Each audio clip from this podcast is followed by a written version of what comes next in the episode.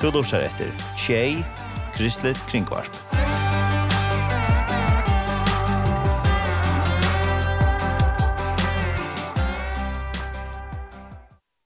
Velkommen til en sending her i Studie Tjei i Havn, og mitt navn er Tar Ernest Hamalsen, og ta neste løtene så får vi at ja, vi har pratet angst, og tossa vi nekker danskar som er vidtjør i fyrjun i nekker det Og vi får høre om en etterskola som heter Alt Høyrna. Vi har haft vidtjene og knallt om fyrr. Så eh, det var spennende å høre hva de har på hjertet. Og nu det er vi ikke her, og annars har jeg sin skolan. Ja, vi skal snakke dansk den neste stund, og velkommen i vår studie. Jeg er mange, som er kommet her eh, fra Danmark. Vi kommer i går, eh, Ja. Hvordan var det at komme til Færøerne? Nogen af jer har været det før?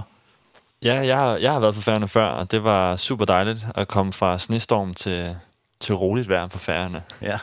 Det var helt omvendt, end det plejer. Men, øh, men ja, det var en rigtig god tur hernede. Ja. Det plejer at være sol i Danmark også, og snestorm på Færøerne. Ja. Nogle gange. det er i hvert fald omvendt lige nu. ja, det er det.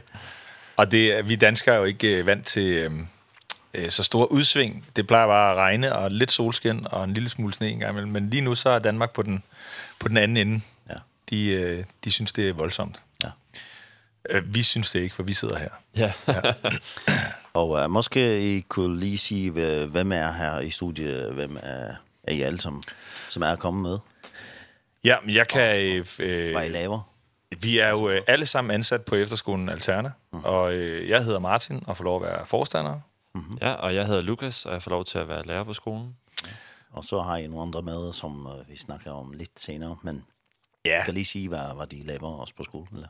Det er vores øh, fantastiske teammedarbejdere, og de er ansatte og øh, øh, ja, medarbejdende på, på skolen, ligesom os andre.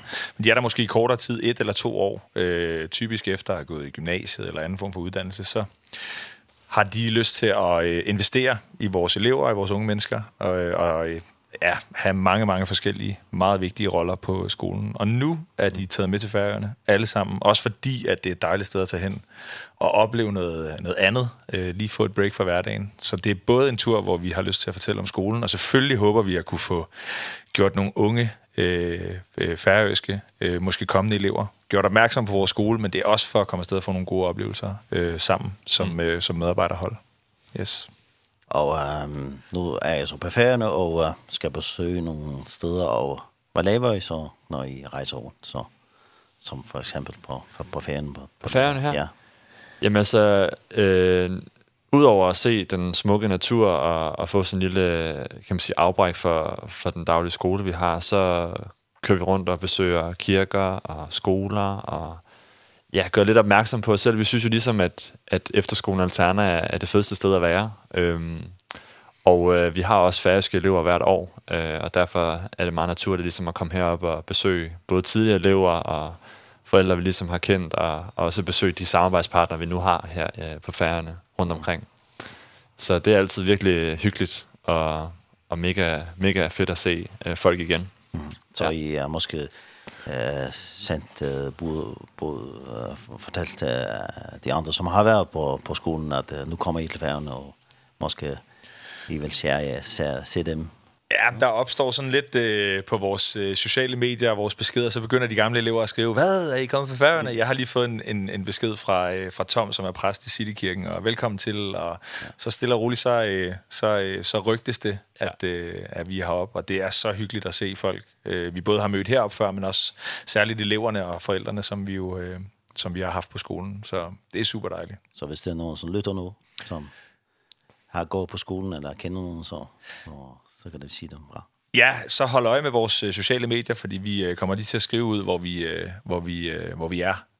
Vi plejer egentlig, de sidste fem år har vi faktisk været oppe og holde lovsangskoncerter, og det gør vi ikke på samme måde i år. I år har vi valgt at fokusere lidt mere på at og øh, og promovere og fortælle øh, om skolen på mm. på skoler også i teenage ungdomsarbejde. Så øh, man de slipper ikke for at høre os synge en enkelt sang og en Nej. lille røverhistorie fra øh, fra vores øh, efterskoleliv. Så øh, ej, vi vil meget gerne møde øh, alle folk, som kunne have interesse i det. Ja. Og det sociale medier, medier øh, er det Hvad yes. hedder det i og sådan noget? Jamen, man søger bare ind på Facebook på Efterskolen Alterna. Mm -hmm. Er det samme på Instagram, mm. øh, Efterskolen Alterna. Det, og så er vi faktisk også på TikTok. Ja. Øh, det kan jeg ikke sige så meget om, fordi Nej. det, det er jeg ikke selv. det er jeg faktisk heller ikke, men jeg er på vores TikTok. Men øh, okay. jeg kan ikke helt huske, hvad, hvad jeg laver der. Ah, du gik viralt på et tidspunkt, det ja, kan jeg huske. Ja. ja. Det er rigtigt. Jeg er god til at rap. ja. Med autotune i hvert fald. og så altså, har I en hjemmeside også? Ja, ja, det har vi. Og den hedder? Alterna.nu. Ja, der, .nu. der står hele informationen om skolen. Og der er hele. masser af information der, ja. Yes. Og så hvis, øh, hvis det er en færing, som gerne vil gå på skolen der, får man anden information. Så klikker man ind på øh, alterna.nu, og så står der øh, tilmeld, sådan en lille brik, man kan, og så kan man skrive sine oplysninger, og så tager vi kontakt. Og så, øh, ja, så forløber det ofte sådan, at vi, øh, vi inviterer altid til en, øh, til en samtale, mm. hvor at, øh, at vi fortæller om skolen og, og spørger lidt ind til, til eleven, og så... Øh, det er sådan et, et godt udgangspunkt at kunne træffe valg, efter at man har, har fået noget god information, og man har lært hinanden lidt at kende. Mm. Så vi er jo ikke en helt almindelig efterskole, så det er, det er godt sådan lige at, at føle hinanden an, øh, om, øh, om det er et match. Øh, så. Ja. Og det er masser af efterskoler rundt omkring i også andre lande og sådan noget. Hvorfor skal man vælge alterner?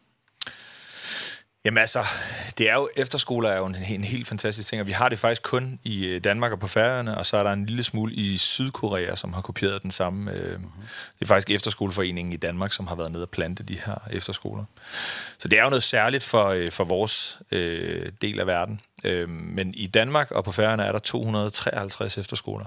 Øh, og grunden til, at man skal vælge Alterna, det, det, det er jo øh, det, det er, hvis man vil noget ekstraordinært. Øh, efterskoler generelt, de tilbyder et fantastisk fællesskab og en læringsramme, et skoletilbud, som, som øh, jeg kan kun tale godt om det. Jeg har mange fantastiske kollegaer og, og samarbejdsskoler rundt omkring.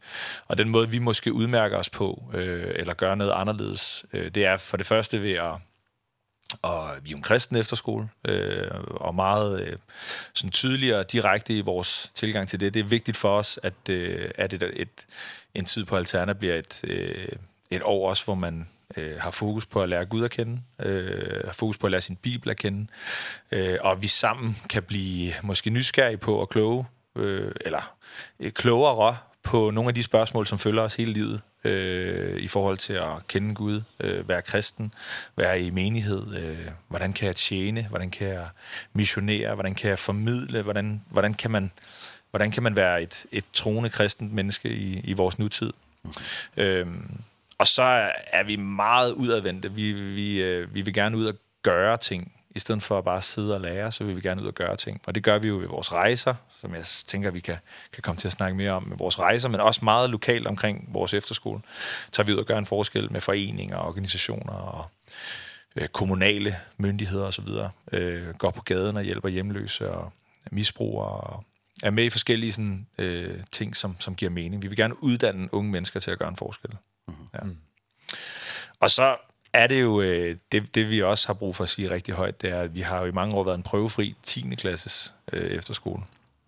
Så efter man er færdig med 0. til 9. og har fået sit eksamensbevis, så har man kunne tage på Alterna. Nu øh, tilbyder vi også en 9. klasse. Så man kan både uddanne sig fagligt i vores rammer, men øh, også den her øh, øh, teenage bibelskole, øh, som, som foregår efter, mm. efter endt 9. klasse. Mm. Så ja, man, man skal klart vælge et år på Alterna. 100 procent. Ja. 100%. Så man lærer også noget fag, fagligt, hvis man kommer på skolen? Det gør man, hvis man kommer i 9. klasse. Øh, så har man et, et, et helt almindeligt øh, skoleforløb, øh, hvor at man bliver klargjort til, til 9. klasses afgangseksamen.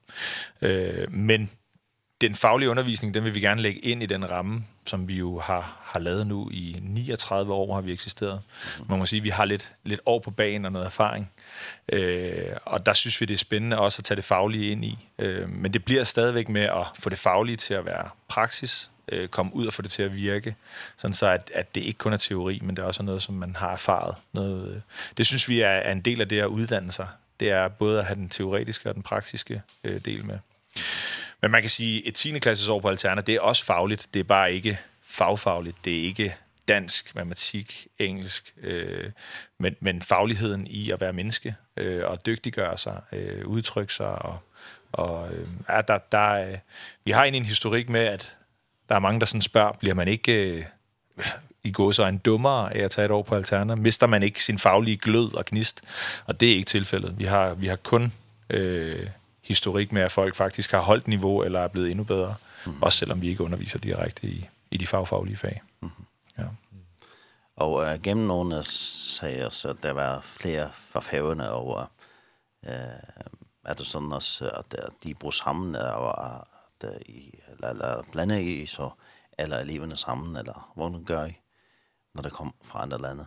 for eksempel? Øh, så, så bor de sammen. Mm. Altså, vi har faktisk ikke rigtig oplevet, synes jeg, i de år, jeg har været lærer, at, at der har været et, kan man sige, et problem med det. Øh, vi er jo ikke den største skole, så man kan sige, vi bliver lidt som sådan en familie ret hurtigt, og både har haft elever øh, fra Færøerne og Grønland, og, og danskere samlet et sted, og andre også måske har forældre, som måske har et andet, kan man sige, europæisk ophav. Øhm, men det er egentlig noget, jeg sådan oplever, at teenager er enormt gode til at bare ja, rumme hinanden og snakke med hinanden, og, og så lære med lidt nogle forskellige ord, og så videre, så videre. Så det har aldrig været noget problem. Øh, det synes jeg var mega hyggeligt, og det er der også meget læring i, og, og lære folk fra andre steder øh, at kende. Og egentlig, så selvom vi mennesker er, så kan man sige, kan være forskellige i forhold til identitet og sprog og sådan noget, så er vi også bare mennesker, og har stadigvæk så meget til fælles. Især unge mennesker i dag. Øh, så det, Så det synes vi egentlig, det, det var så oplevelse, at det fungerer rigtig, rigtig godt. Ja. Øh, også for de færøske løber, vi har, de har jo fået venner for livet i Danmark, blandt andet også, ikke? Ja. Og så, så også det med, med forskellige kulturer, som kommer sammen. Ja, lige præcis. Ja. Der er nemlig lidt forskellige kulturer, men man kan sige, vi er jo ligesom sådan en skole. Vi, selvom vi bor i Danmark, så rejser vi også ud i verden, hvor der er en helt anden kultur, end den vi har, øh, både for Færøerne og Danmark, eller Grønland, hvor man er fra. Øh, så det er der også enormt meget læring i, og sådan samfundslæring i, hvordan man nu eventuelt i Mellemamerika eller Sydamerika, eller hvor vi rejser hen. Mm-hmm. Øh, så det er, det er mega interessant. Og, ja. Øh, nu er du så lærer på skolen. Øh, ja. Hvorfor har du valgt at være lærer på Alterna? Om det, det er faktisk et godt spørgsmål. Jeg tror, at øh, jeg har selv været elev på Alterna øh, helt tilbage i 2010 og 11. For 1000 år siden. Ja. Desværre føles som, som 1000 år siden. Men, øh, men noget, som ligesom, øh, jeg altid har, har egentlig har fået rigtig meget ud af, sådan rent personligt, øh, og gav mig utrolig meget, både i mit, mit eget personlige liv, men også i mit eget trosliv. Øh, og sådan havde jeg sådan en, en, en lyst til ligesom at give tilbage, fordi jeg egentlig synes, at det år gjorde sådan en stor en forskel. Øhm, Ja, jeg ved nærmest ikke, om man kan sammenligne det med, at øh, jeg kender andre mennesker, ligesom, som har været hvor kirken har betydet noget, og så kan man ikke lade være med ligesom at gå ind og hjælpe med, eller være med til at tjene, eller man har været med på en eller anden børnelejr eller teenagelejr. Så havde jeg lidt også med alterner. Mm. Øhm, og så opstod muligheden ligesom, at, øh, at jeg kunne være med der. Øh, og jeg synes selv personligt, øh, at, øh, at det at få lov til ligesom at være med til at investere i unge mennesker, og, og bruge tid med dem, i sådan en vigtig øh, tid i deres liv, hvor de står over for så mange fede valg, men også måske svære valg om, hvem de gerne vil være, og sådan lige babyskridtene inden øh, voksenlivet. Mm -hmm. Det synes jeg er mega spændende arbejde. Øhm, og så jeg elsker jeg bare at være sammen med unge mennesker. Jeg elsker at have det sjovt, og ser også mig selv lidt som en stor teenager, måske. men, ja. øh, men bliver lidt drillet med, at jeg er blevet 30, desværre. sidste år. det er jo ingen alder. Nej, nej, det er jo ingen alder. Nej. Men, øh, men ja, det er virkelig et fedt sted at arbejde. Øh, så, så ja, det, det, det fortrød jeg virkelig ikke, og jeg glæder mig over mit job, virkelig. Og når du var på Alterna, var det en god oplevelse? Ja, som elev? Ja. Ja, det var det, helt sikkert. Øh, hvorfor valgte du at øh, gå på Alterna? Jamen faktisk så, så tror jeg egentlig, at øh, den største grund var faktisk min, min gode ven, Christoffer, som skulle selv på Alterna. Jeg havde egentlig ikke tænkt det som mulighed. Jeg var meget sådan fodbolddreng og tænkte, nej, jeg skal bare spille fodbold, og mm. det skal bare handle om det, og, og var, var sådan, spillede fodbold også på højt niveau, og koncentrerede mig om det, men jeg tror ligesom, at, at øh, så fik jeg bare for meget af det, øh, og blev ligesom, fik øjnene op for, hvad det egentlig kunne, med, med de her rejser, og, og den her anderledes skoleform, og tænkte, og oh, det, det var jeg godt tænke mig at prøve. Mm. Øhm, og så blev jeg bare faktisk, ud over det, endnu større, for, altså, sådan overrasket over, hvor stor impact det fik i mit liv. Mm -hmm. Og hvor stor betydning de venner og lærere, jeg havde, fik i mit liv. Ehm og det er egentlig noget, jeg ligesom har været med til at danne mig som person, Ehm og også ændret mit syn på mange ting, og på andre mennesker, og på min egen tro. Øh, så det har været mega, mega fedt. Mm -hmm. Ja. Og hvad var det bedste med at gå på Alterna? For dit, dit, dit vedkommende? oh, det er svært at sige, ikke? for der er så mange ting, fordi udover, kan man sige, det personlige, jeg har taget med, altså i mit eget liv, og inde i mig selv, har lært mig selv, øh, det trosmæssige, som jeg ligesom har fået en åbenbaring omkring min tro, og blev ligesom gjort mm -hmm. til min egen, og ikke bare var min forældres tro. Øh, og så det sociale med venner for livet, så det er faktisk svært at sige, men jeg vil sige, det er de tre grundsten, ligesom, som som er noget, jeg virkelig tager med. Og så er der jo selvfølgelig oplevelser, men de tre ting er nok det helt klart det, det største, jeg har taget med mig videre. Øh, og ligesom noget af det, der, der fylder øh, meget af mig i dag, selvom skolen er meget anderledes fra ligesom da, da jeg var elev til nu, men det er jo meget sådan på pædagogik, og du ved, mere mere up to date, og sådan, det var lidt mere måske de gode gamle dage, og klassisk kristen efterskole, sådan, men jeg synes lidt mere, i hvert fald prøver at renovere det, der skal renoveres til det bedre, mm. øhm, som også passer ind i tiden og gør os relevante øh, for unge mennesker og verden i dag. Mm. Øhm, ja. Og var det, var var det sværeste, eller måske ikke så godt med skolen, som du oplevede? Var det nu? Jamen, jeg var faktisk... Øh, Det var, det var alt godt. Nej, man kan jo sige, det er jo, som ung er jo livet kompliceret, ja. og ting kan være svære. Mm -hmm.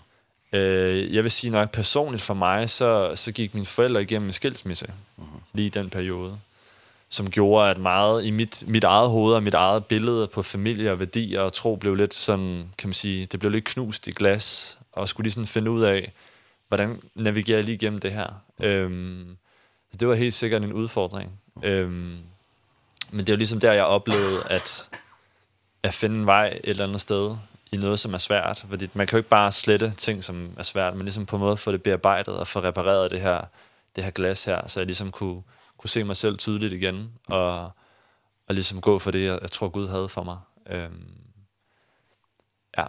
Ja, og... uh, har du så opvokset i kristen hjem, eller gået på kirke? Og ja, det har jeg. Ja. Liv? Jeg har vokset i kristen hjem og kommer fra kirke, men jeg tror, at så mange andre unge også i dag, ehm så var tro lidt noget, som min mor og far havde. Ja. Og, og egentlig ikke noget, jeg forholdt mig sindssygt meget til selv, øh, før jeg ligesom blev teenager. Øh, og stod netop til de, at tage de her valg selv. Øh, og øh, hvor var det er for noget? Og... Hvad er det for noget? Og er det noget for mig? Og, og når jeg sådan selv skal forholde mig til det, for førhen var, jeg, gik jeg jo bare lidt under mine forældres vinger, ikke? Og, og jeg var ligesom deres barn. Og, ja men, men i og med, at jeg fik de her oplevelser blandt andet på Alterna, og lærte ligesom at, at tage ansvar for mit eget liv, og, og lærte ligesom også forholde mig til min tro, og også fandt ud af, at der er ikke nogen, der tvinger mig sådan til at tro, eller sådan. men det er ligesom min egen rejse. Ja, det er øh, som du vælger. Ja, lige præcis. Ja. Øh, og den tålmodighed og, og visdom, der var i det, det tror jeg var rigtig godt for mig. Øhm, og der, der kan man sige, at, at der, der opdagede jeg ligesom Gud. Øh, fordi Gud har altid været i mit liv. Øh, og det er jo nemt at se tilbage på nu, men, men lige der, hvor jeg var i det, og gik igennem den, kan man sige, svære tid med min familie, øh, forældres skilsmisse, mm så tror jeg bare, at øh, så, så så glasset bare knust ud, og, og det hele kunne se lidt håbløst ud. Men, men der tror jeg virkelig, at Gud han var, var trofast, øh, og der var alternativ, det helt sikkert det rigtige skridt for mig. Ja. Øh, og de, de lærer og venner, jeg fik, og den undervisning, ligesom, som, som gav mig sindssygt meget. Ja, og Gud er altid trofast. Det er han nemlig. Ja. Øh, man kan være i øjeblikket, kan man ligesom miste tålmodigheden og fatning, ikke? fordi at ofte kan ens problemer kun være lige det, der er lige foran en. Øh, så man glemmer ligesom at se det større perspektiv, og der tror jeg ligesom, at Alterna var med til, til ligesom at løfte mig op på bjerget, mm -hmm. og ligesom se, øh, hvor stort det egentlig var, og, og et helt andet perspektiv på mit eget liv. Ja. Ja. Og man ser det måske ikke altid så godt, Nej. når man er i det, men lidt på afstand, så ser man, ja. hvor der det er det. er med. Ja. Lige præcis. Ja. Ja. Fantastisk, ja. Ja, virkelig. Ja. ja er der alles, som du, noget, som du vil fortælle om skolen, som... Og der er jo meget, man kan ja. fortælle om skolen. Så det er også, skal vi også passe på, at vi ikke skal sidde hele, hele dagen jo. øh, nej, men jeg synes, at øh, i hvert fald fra mit perspektiv af at se, øh, hvor meget alternativ kan betyde for et ung menneske, Øh, man siger jo efterskole, et efterskoleår, det svarer nærmest til syv, fordi det er så intenst, og der er så mange oplevelser, mm. og så mange ting, man ligesom gennemgår, men jeg synes virkelig, at efterskole er noget unikt, vi har øh, på Færøerne og Danmark, og, og jeg synes virkelig, at, at i hvert fald et år på Alterna, kan jeg kun sige, at, at det gør en kæmpe forskel. Jeg har ikke oplevet, altså i de år, jeg har arbejdet på skolen, og også de færøske elever, jeg kender, og har også været faktisk meget kontaktpersoner for de færøske elever, vi, vi har haft her de senere år, at, at se, hvor meget de, de rykker sig, og se, hvor meget de får ud af sådan et år. Øhm, det, det bliver man rørt over, og føler egentlig privilegeret over. Det er jo ikke, fordi vi gør noget magisk, men det er egentlig, fordi jeg tror, at vi giver lov til, at Gud han kan få lov at arbejde, og vi giver egentlig teenageren og den unge tid til at være medrejsende. Mm. Øhm, vi står egentlig bare og og laver en buffet et eller andet sted og siger, det er et tag selv bord, og så kan de ligesom gribe det, øh, som de vil, og rette det, som de vil. Men, men egentlig er min oplevelse egentlig med den pædagogik, vi har, og med det mål og mission og vision, vi har for skolen, og den måde, vi ligesom ikke propper kristendom ned i halsen på nogen, men vi gerne ligesom vil vise det at være kristen. Ehm der er en klog, øh, en klog mand, der sagde, det er en duft af kristendom, duft af Jesus. Ja. Ehm det er ligesom det, vi gerne vil være øh, både i, i Danmark, øh, på færgerne, og også når vi rejser udlands. Så det er helt klart til, til forældre eller, eller unge lyttere vil jeg, vil jeg virkelig kraftige ja, øh, overveje omkring, om det ikke skulle være alternativt, det der deres børn, eller de skulle gå, øh, i hvert fald få en snak omkring det. Ja. Øh, helt sikkert. Ja, og være med til at uh, måske flytte de mennesker lidt tættere til Jesus. Ja, ja. præcis. Mm -hmm. Og det ser vi jo også øh, vores rejse, det er, eleverne får lov til ligesom at, at se folk tage det der skridt i tro, eller sige ja til Gud, eller se hvad det kan gøre, og, og være med til at give, eller velsigne nogen, som, som ingenting har ved at dele mad ud, hvordan det lys, mm -hmm. du ved, i øjnene, som, som de ikke havde før, bare kommer af sådan en, sådan en handling, ikke? Øh, og hvor praktisk det også kan være. Så jeg synes både den, den åndelige dimension og den praktiske dimension, som både Jesus viser og gør, det, det, det vi er inspireret af, det vi gør, og, og det er det, vi ved virker, også øh, fordi han sådan er i os, og bor i os, øh, og arbejder i os. Øh, så det, øh, det er helt sikkert noget, som ja, jeg bare sidder som, som lærer og snakker om, det kan få gås ud over, for det er bare et privilegie at få lov til at, ja. at arbejde og få penge for at gøre det. Det er mega fedt. Så tak ja. for det, Martin. ja, man kan godt nive sig selv i armen nogle gange. Ja. Så, øh, altså egentlig være ret taknemmelig for at få, at få lov. Det er, det er et meget vildt tidspunkt at få lov at gå med unge mennesker på. Ja. Øh, og også i nogle meget både... Øh, altså man, man går både med dem med armene op, når det er sådan en sejrsfornemmelse. Wow, vi klarede det her. Men man går også sammen med unge mennesker, når det så er utrolig svært. Mm. Og man måske næsten er i knæ, fordi at man, man synes, det kan være svært. Og sådan i relation til, til færøerne, så har vi jo også oplevet, at, der, at vi, vi, vi vi øh, som folk er vi jo tætte, og vi er i rigsfællesskab, men der er alligevel, øh, der er alligevel også stor forskel øh, kulturelt, og det tror jeg, at det, det har i hvert fald været meget vigtigt for os at opdage og være nysgerrige på. Øh, vi har faktisk lige talt med en, med en lærer og fra en skole her i Torshavn, som satte ord på det her med, at danskere kan godt være meget snakkende, øh, og du ved, måske frembusende og, og, øh, hvor at, at hun i hvert fald i tale sat, at som færing kan man godt måske lige afvente og være lidt mere øh, tilbageholdende i nogle ting. Og, og der, der tror jeg da, at vi, vi forsøger ikke at, at køre nogen over, men også være opmærksom på, at der er en, en opstartsfase, når man er langt væk hjemmefra. Det er jo utrolig langt væk øh, afstandsmæssigt, øh, og pludselig være fra sin familie, og være fra sin, sin kultur, sin hjemby, sin, sin hjemø. Øh, og pludselig så står man i Nordsjælland i, i, i Hillerød, hvor at, at tingene måske kører rigtig stærkt tæt på København, og det hele det banker og buller afsted. Og der tror jeg, at vi har en vigtig opgave i både at, at møde eleven i den situation, men også have et rigtig godt samarbejde med, med de færøske forældre, mm. og sådan lære at forstå hinanden endnu bedre. Øh, en ting er jo at, at stå i Nordsjælland, når vi så står på den anden side af jorden, i Mellemamerika eller i Sydamerika, så er der utrolig langt hjem, og der, der er det lige pludselig lige vilkår for alle.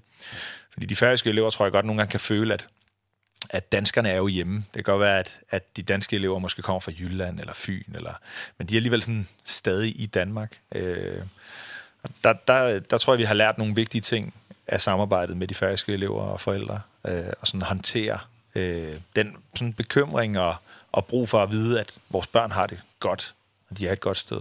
Ja, og ja. nu skal de snakke dansk også. Ja, ja, det er også en ting. Ja, lige præcis. Ja. Øh, og det gør de utrolig godt, men det er klart, det er jo ikke modersmålet, men men det er et sekundært sprog, og det det det der er også noget sådan forlegenhed omkring man skal sådan føle sig tryg. Og det kommer typisk det det vil sige det er ens for alle. Man starter første dag på efterskolen. Og så er der selvfølgelig nogen der kender hinanden, nogen der ikke kender hinanden, men man kender den der følelse af at folk står og kigger ned og krummer lidt tær og er generet og så videre, ikke? Mm. Men det er lidt ligesom at og øh, det er lidt ligesom at springe en sæbeboble. Bum, så, så starter fællesskabet, og så begynder de at købe ind på hinanden, lære hinanden at kende, få nye relationer, øh, og så ser man sådan en helt ny virkelighed udfolde sig. Det er faktisk meget smukt. Ja, og allerede, det går bare et par dage, så det er jo allerede sådan, ikke? Ja, ja. Et par timer. Ja, lige præcis. Men jeg har også snakket med mange, som siger, at oh, det, det er ikke så nemt at snakke dansk. Men uh, det er nemmere at snakke engelsk. Ja. Men, uh, men I gør det Jamen, nemt altså, for dem at uh, skulle snakke dansk. Altså de færøske elever, jeg har haft, de snakker så godt dansk. Så det er egentlig bare i deres, deres egen hoved, de ja. tænker, jeg ikke kan finde ud af det, eller sådan, fordi det er måske ikke noget, de har gjort så ofte. Ja.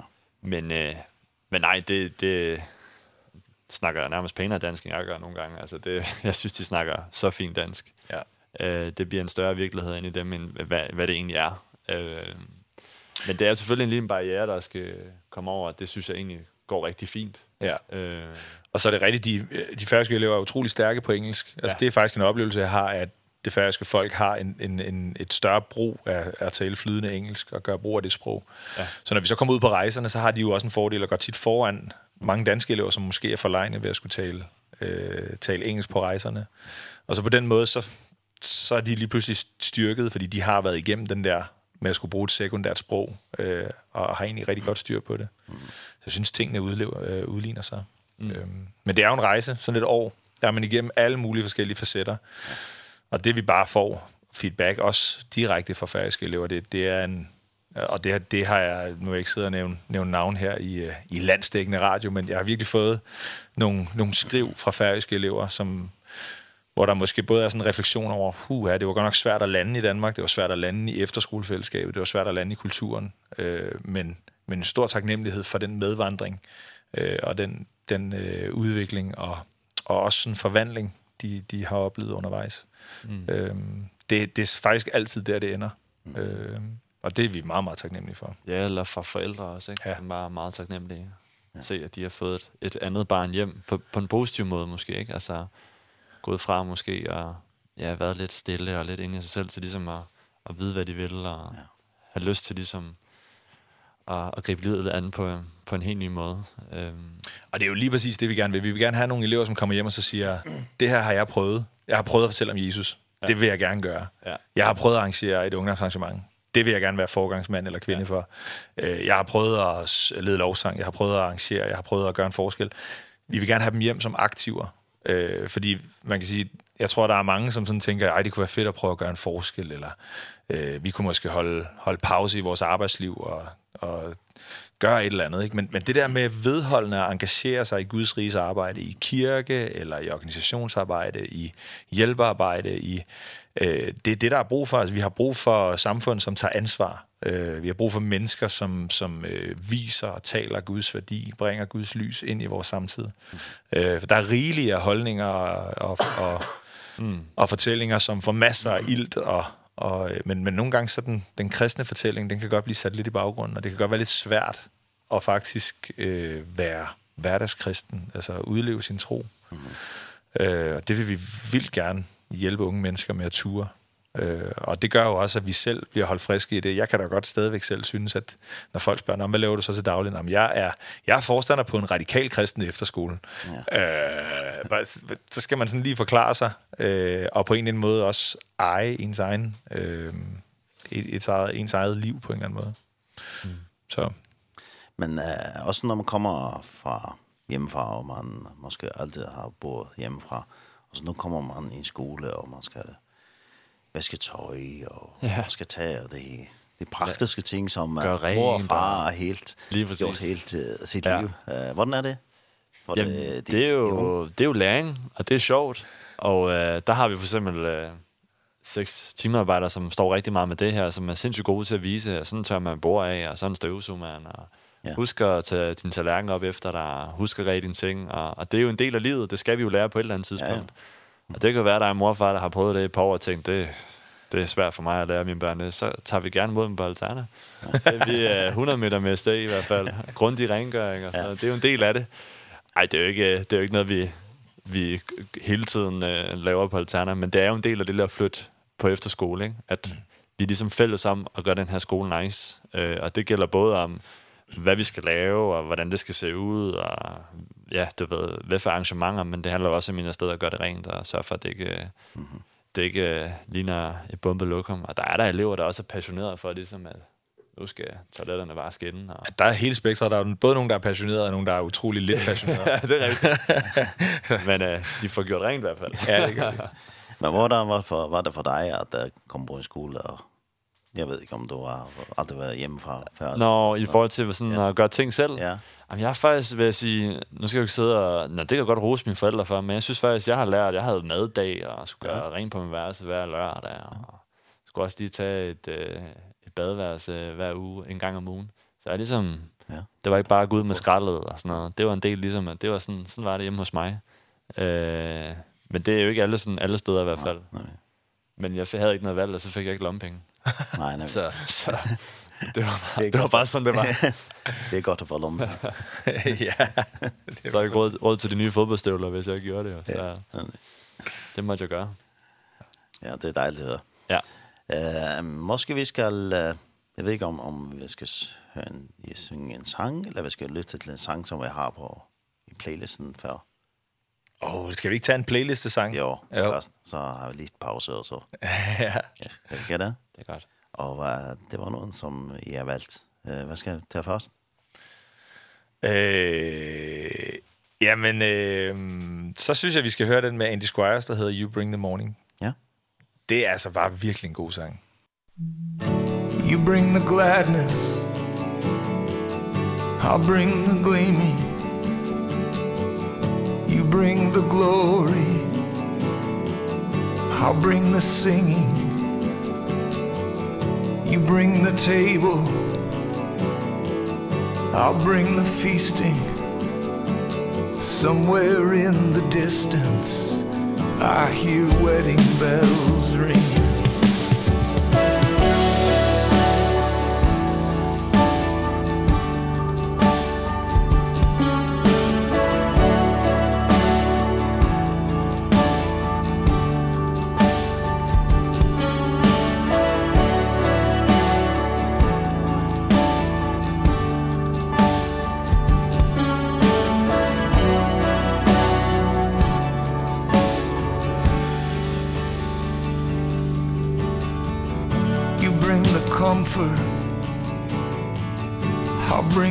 thinking.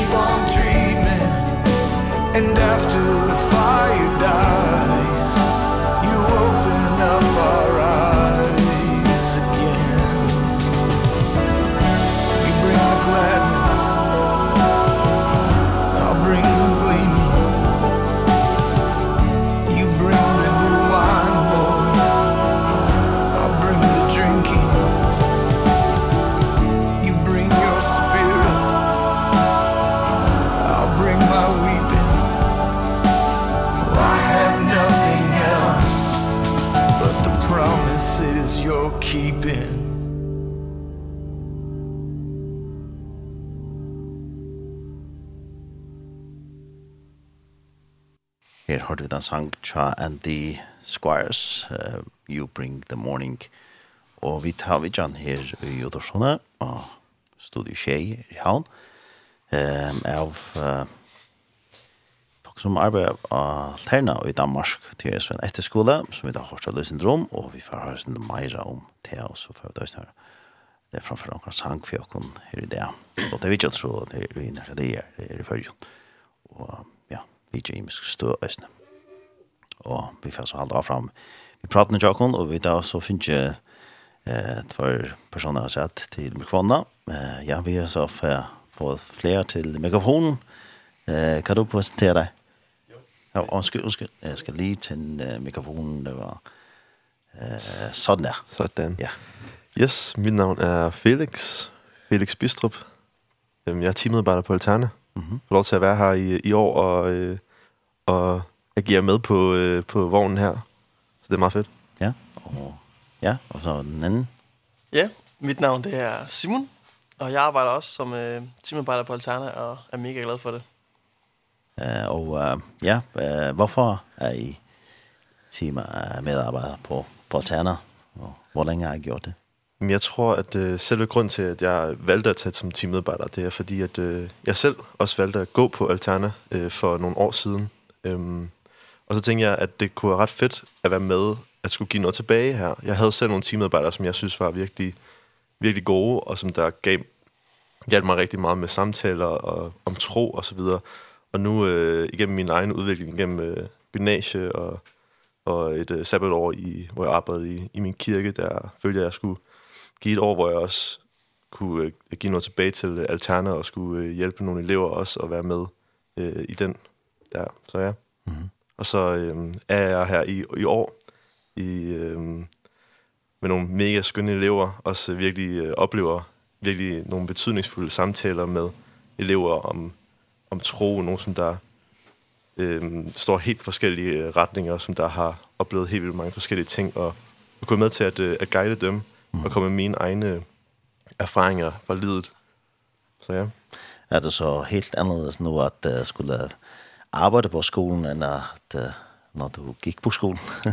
Ja, men altså, no, nogle gange, når man er teammedarbejder, så føles det også lidt, som om man er et liv. Ja. Altså, der, der, der, der der er nogle gange, hvor, hvor, hvor jeg, altså, jeg, jeg, jeg, jeg, jeg laver lidt, lidt for meget sjov med mine elever nogle gange. Det, det, jeg, jeg har virkelig fanget mig selv på det seneste, at jeg sådan, nødt til at lave lidt mindre sjov med dem, og måske prøve at skal være lidt mere seriøs overfor dem. Jeg kan, godt, jeg kan godt lide at drille dem lidt.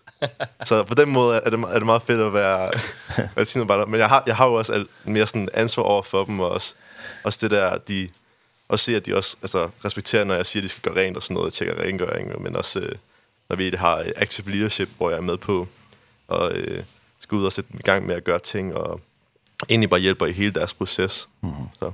Det var fint. Så det var næsten, det er næsten som har komme tilbage, eh eller tärna. Ja, på en måde, men så også bare lige det der med sådan lige et et step over i øh, i ansvar. Ja. Og så også kunne give øh, mig der. Ja. Hvorfor valgte du at øh, gå på alterner øh, første omgang? Uha. Jamen, øh, det var fordi, at jeg havde valgt mellem øh, nogle forskellige efterskoler. Jeg har fået at vide af mine forældre, at jeg kunne måtte tage et år på efterskole. Mm. Øh, øh, men Alterna, det kaldte meget til mig, fordi at, øh, min far han selv har gået på Alterna for årtier tilbage. Altså, det, var, ja. det var helt tilbage i, i 88, 89 eller noget. Det er langt tilbage. Mm. Og øh, jeg synes bare, det er så fedt en ting at tage et år, hvor man ikke tager skole. Jeg har i folkeskolen så oplevede jeg nogle meget ja, stramme lærere, som der virkelig øh, øh, gik mere op i, at vi skulle have gode karakterer og vi sad og lavede mange prøver, og, og egentlig meget undervisning, det var bare øh, at skulle læse, og så sidde og lave eksamener i en normal dansk time. Ja. Så jeg følte, at jeg brug for et, et år før gymnasie, hvor at jeg egentlig ikke lavede noget som helst med skole. Og så synes jeg, det er et fantastisk tilbud med Alterna, at man ikke øh, har noget som helst skole, når man er i øh, 10. klasse, Øh, hvor jeg bare kan få lov til at sætte udvikling på mig selv og min øh, egen vandring med, øh, med Gud. Mm. Så det, det, var, det var hovedgrunden til, at jeg valgte at tage på Alterna, for at også bare udvikle min eget lederskab, øh, fordi at jeg har altid øh, gået med en tanke om, at jeg godt gad at være en øh, god leder. Øh, selv oplevet min, mine forældre være øh, præster, og øh, min far var borgmester, og set dem i deres lederskab. Og så vil jeg også gerne selv øh, kunne gøre en forskel for andre mennesker.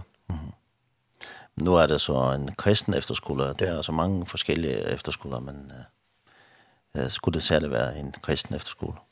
Ja, ja jeg har vokset op i en, en, en kristen familie, øhm, hvor at tro har fyldt øh, rigtig meget. Øh, som sagt, som min, mine forældre har været præster øh, i kirke, hvor at, øh, faktisk også øh, Manuel Delgado, som der nogle gange er her, mm -hmm. har været med i, øh, i kirken der i Unik mm -hmm. øh, for lang tid siden. Øhm, så altså selve troen på Gud, det er en, en meget, meget vigtig del af, af mit liv.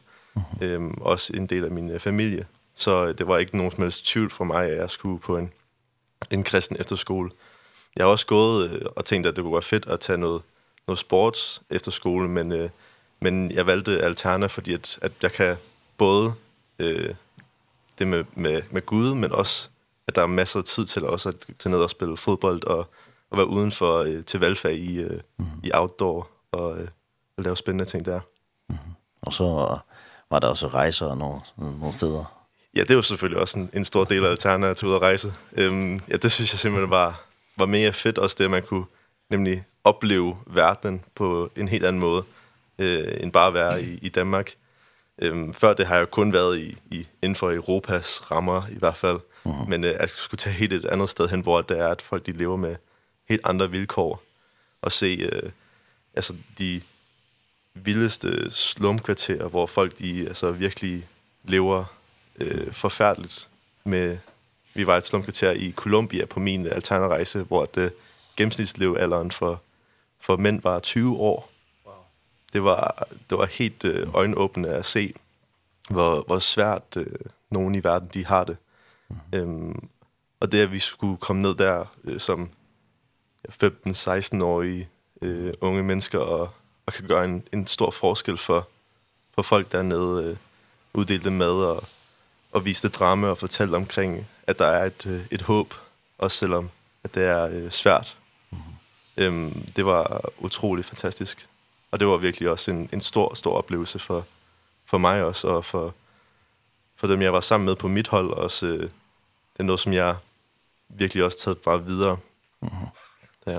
Og uh, har du så kunnet bruge til, til noget efter det, som du oplevede på Alterna, og også de rejser, uh, brugte i livet? Ehm øhm, ja. Efter? Ja, jeg øh, fik en, en stor passion for at, øh, at skulle gøre noget for, for unge. Så efter Alterna, så øh, jeg var lige øh, kommet med i øh, en kirke, øh, startup, vi var i gang med at plante en kirke i København. Øhm, og der øh, blev jeg spurgt af mine præster, øh, om at jeg vil starte et teenagearbejde op. Øh, og det tænkte jeg, uh, det var sådan en stor mundfuld som en 16-årig, jeg skulle starte et teenagearbejde op for nogen på min egen alder, måske to år yngre eller noget.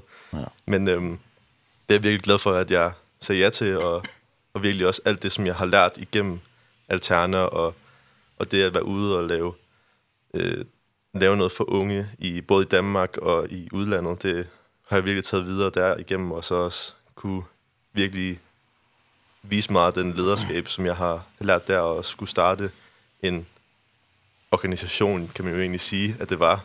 Øhm, det, det har virkelig så meget videre igennem det. Mm -hmm.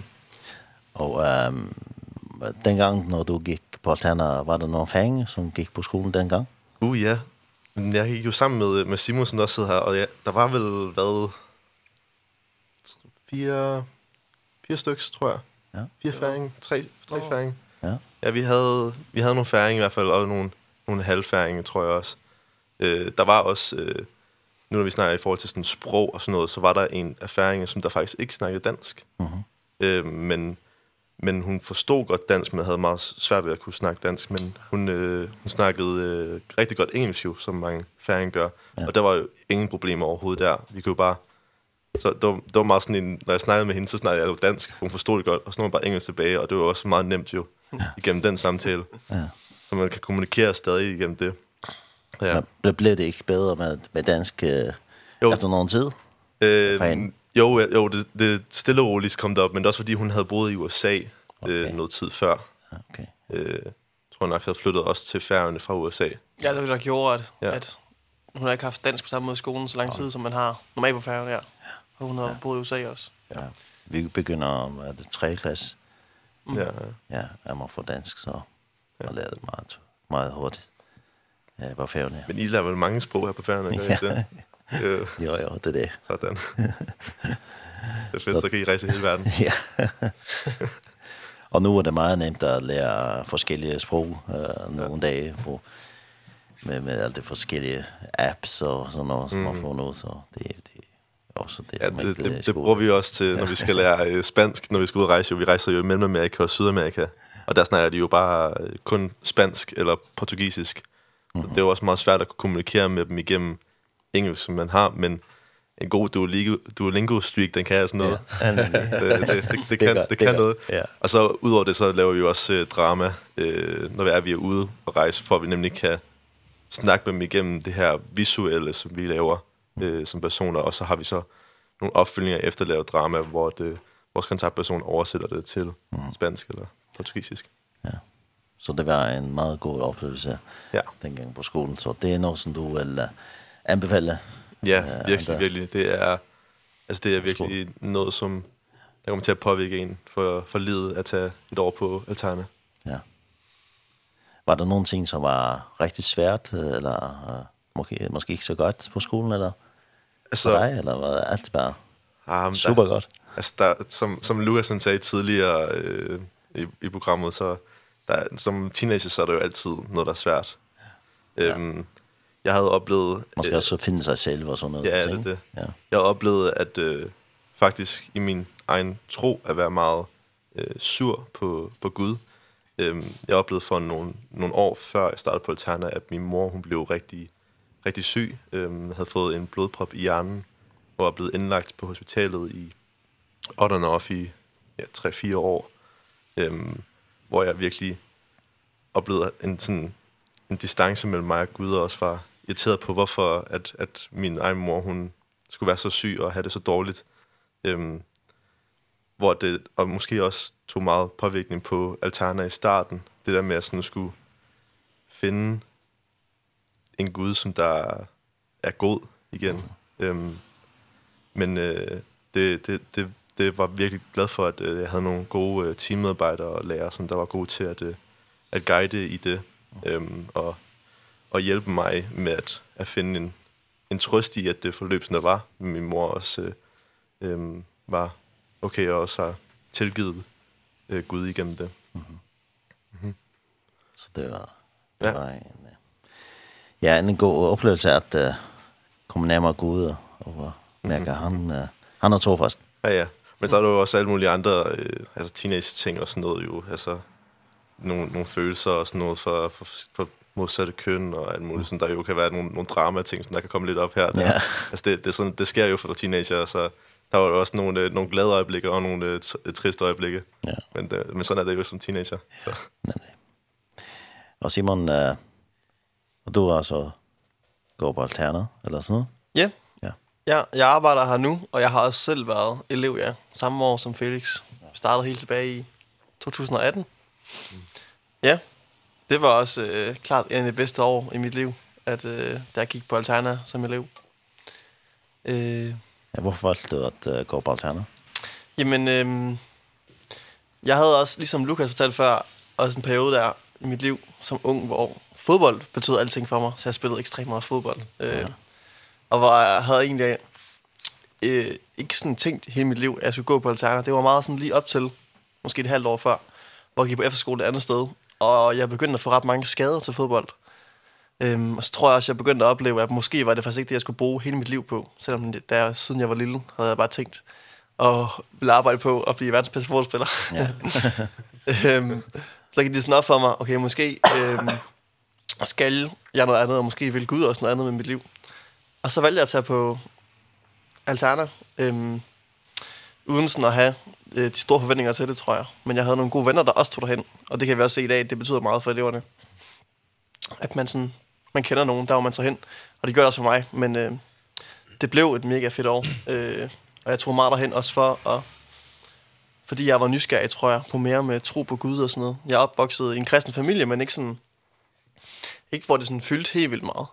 Så jeg, så jeg havde oplevet, jeg begyndte måske at få min egen tro, da jeg gik sådan i 7. klasse, hvor jeg var på en kristen lejr. Det var sådan der, det meget startede i mig. Mm-hmm. Øhm, og ja, så den kirke, jeg kom i, den var lidt mere sådan for ældre mennesker og sådan noget. Så jeg tror, det var, da jeg gik på efterskolen 9. klasse, og så valgte jeg at gå på alternativ 10. klasse.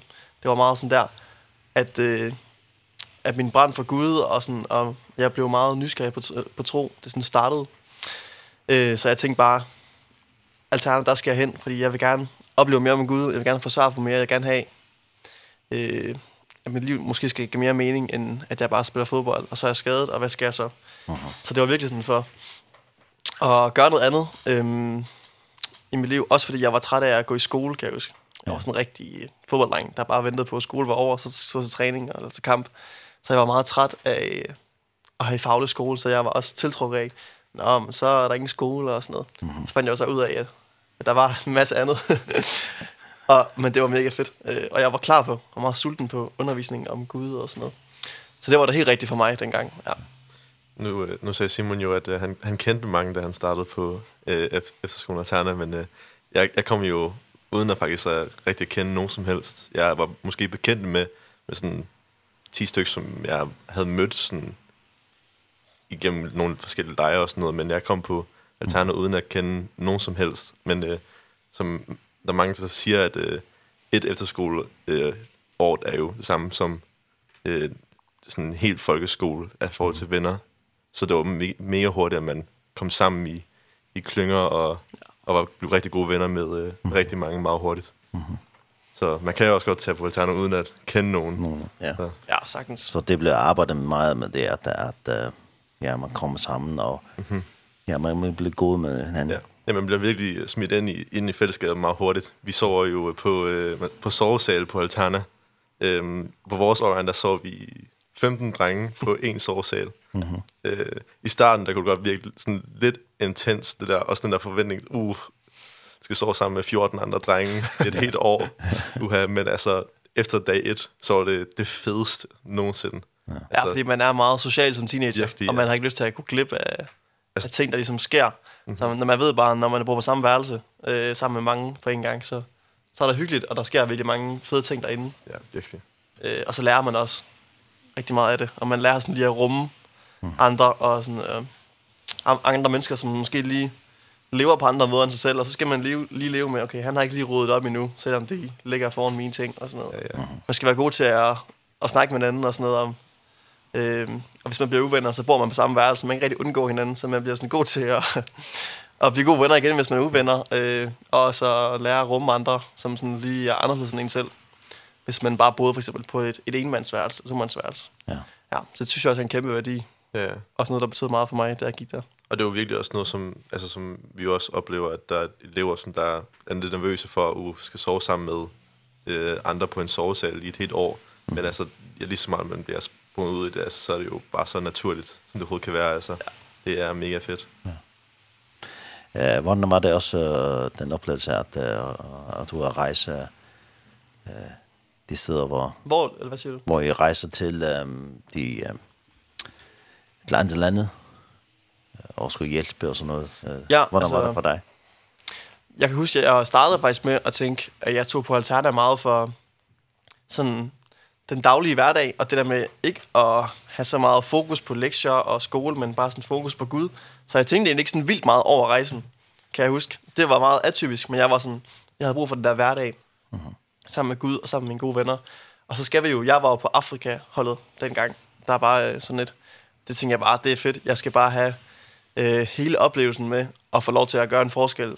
Så øh, jeg var sygt glad for at komme afsted til Afrika. Og, og sjovt nok, når jeg ikke havde de store forventninger til det, så blev jeg ja. øh, mega overvældet og også jeg er mega glad for det.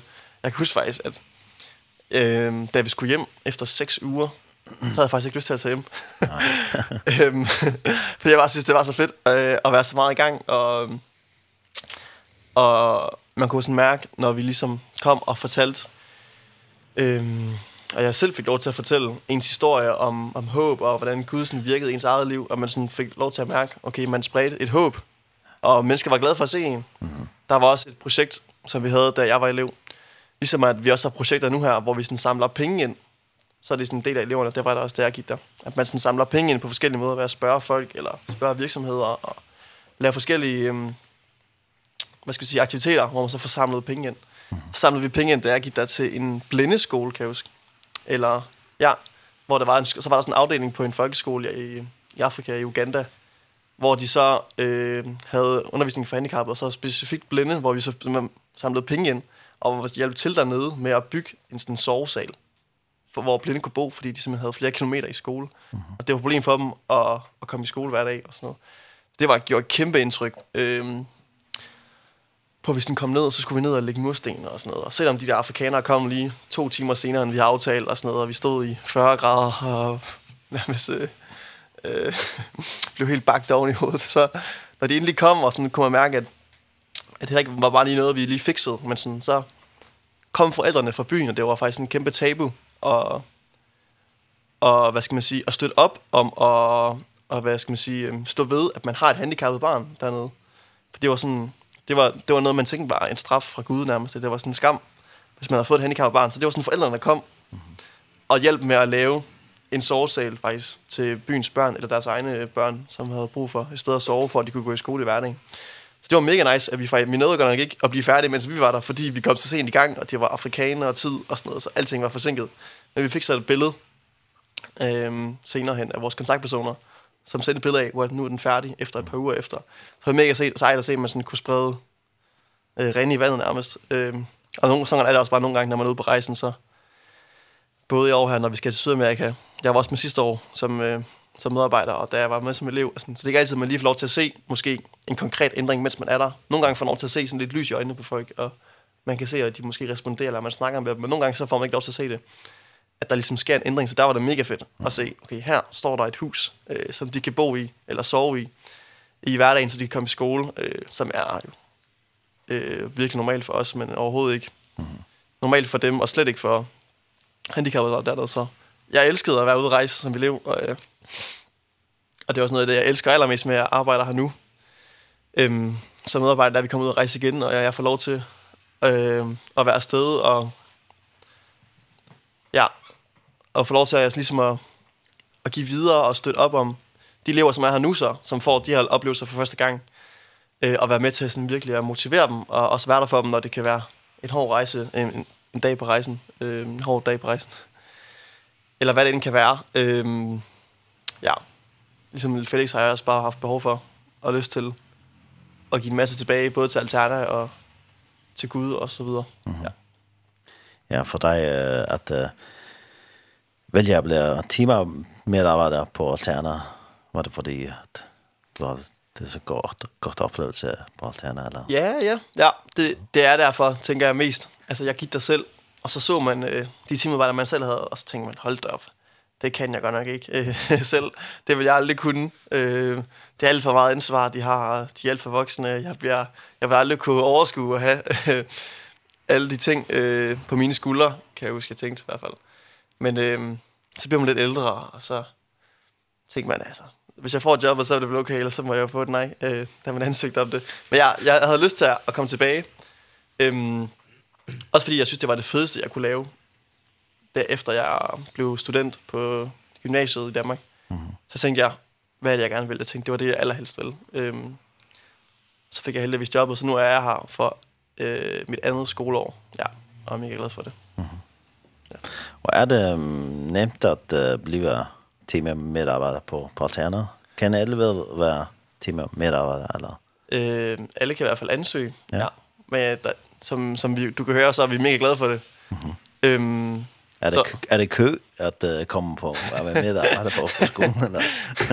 det er i hvert fall uh, det, det, det, den har til Martin vel. Ja, det er i hvert fald populært, fordi jeg er så glad for det, kan man sige. Har du står stået med det sammen? Ja, men det kan jeg godt fortælle lidt om. Det er, det er jo... ehm ehm det, er, det er faktisk... Øh, vi oplever her omkring øh, mellem 15 og 25 ansøgninger ja. øh, til mellem øh, 3 og 4 stillinger. Mm. Øh, så, så det er, øh, det kan være rigtig svært, og det, det er egentlig en svær proces ja. at sidde i, fordi det er jo ofte, det er jo unge mennesker, som vi kender, og vi kan mærke, at de har ild i hjertet for at gøre en forskel. Så det er noget, som, som, øh, som piner os lidt, når vi sidder med de her ansættelsessamtaler. Selvfølgelig er vi glade for at få nogle gode, øh, kompetente og, og meget sådan, øh, motiverede ansøgninger.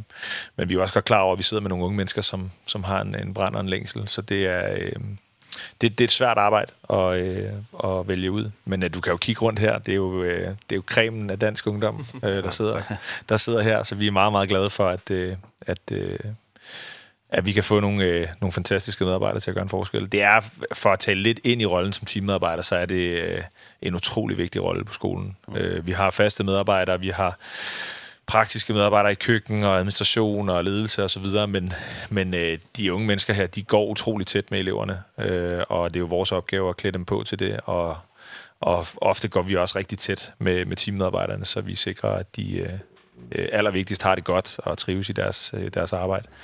Mm. Øh, så så det, det, det er vi meget, meget taknemmelige for. Mm. Ja, det siger jeg ikke kun fordi de sidder her. men hvad Ja, men hvad skal man så lave når man er der i forhold til andre ting der på skolen?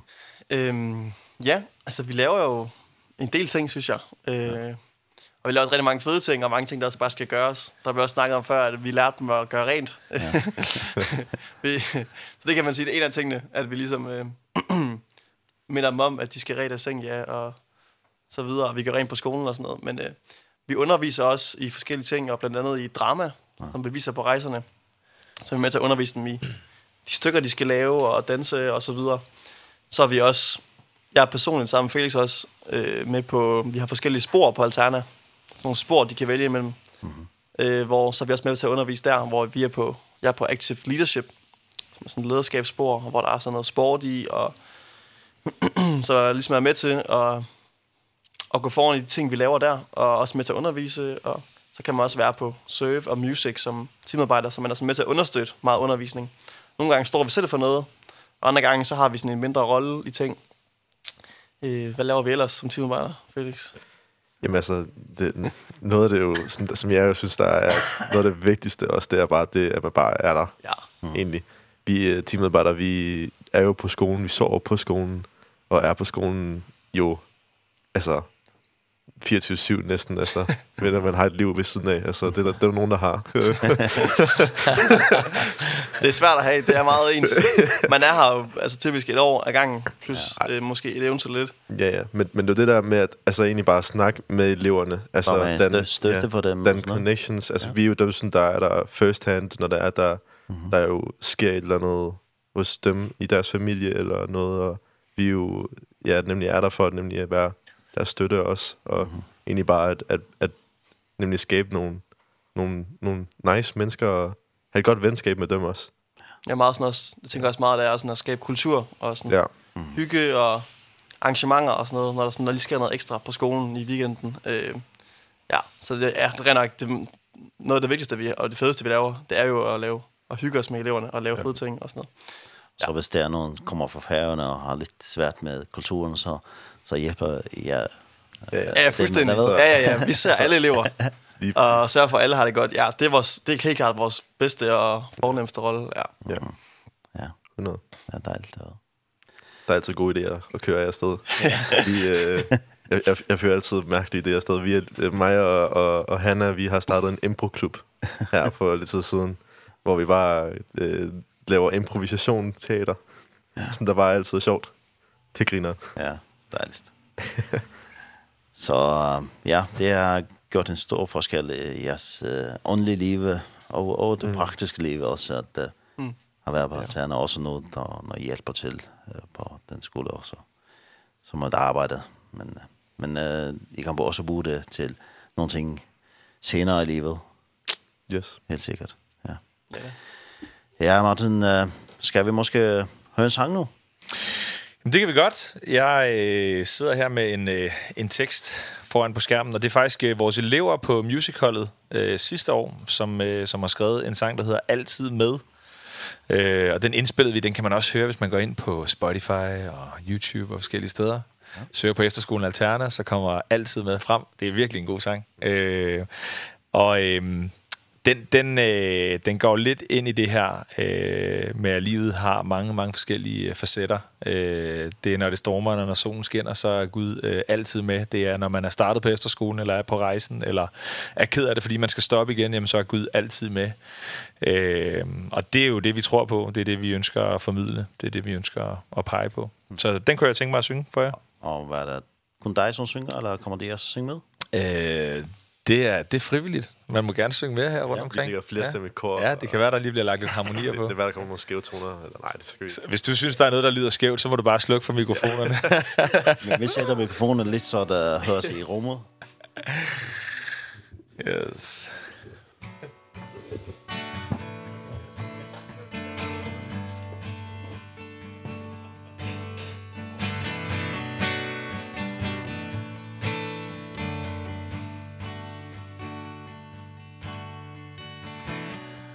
Lægger alt ned Ser efter dig. Vil ikke være alene Alene med mig.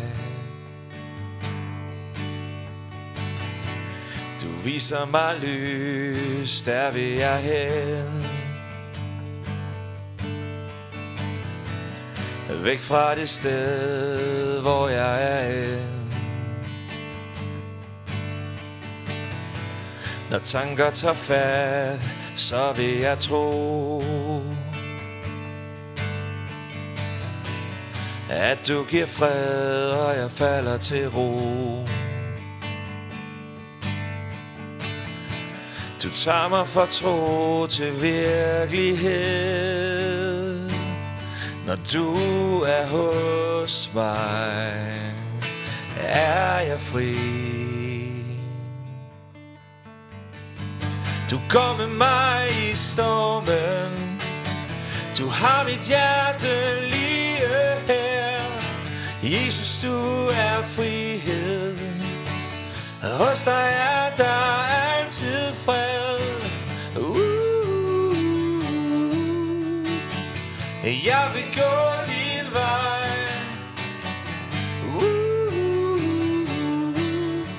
Mit blik er ret Du rækker ud, jeg tager imod.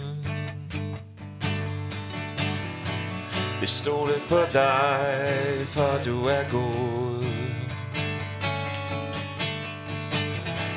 Du giver mig liv og kærlighed. Jeg er ikke alene. Aldrig mere står jeg Hvad der sker Du går med mig i stormen.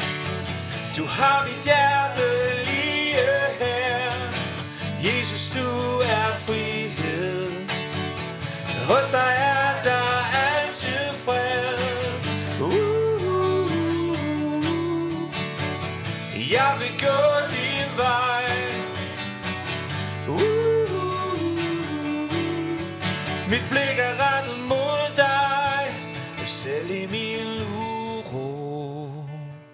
Selv i min kamp. Selv i min svaghed Ja, der er du med. Selv i min uro Selv i min kamp. Selv i min svaghed Der er du med. Selv i min glæde er du med? Selv i min hvile er du med. Selv i min sejr er du med. Ja, der er du med. Oh, oh, oh. Selv i min glæde er du med. Selv i min hvile er du med. Selv i min sejr er du med. Ja, der er du med. Du går med mig stormen. Du har mit hjerte lige her Jesus, du er frihed Hos dig er der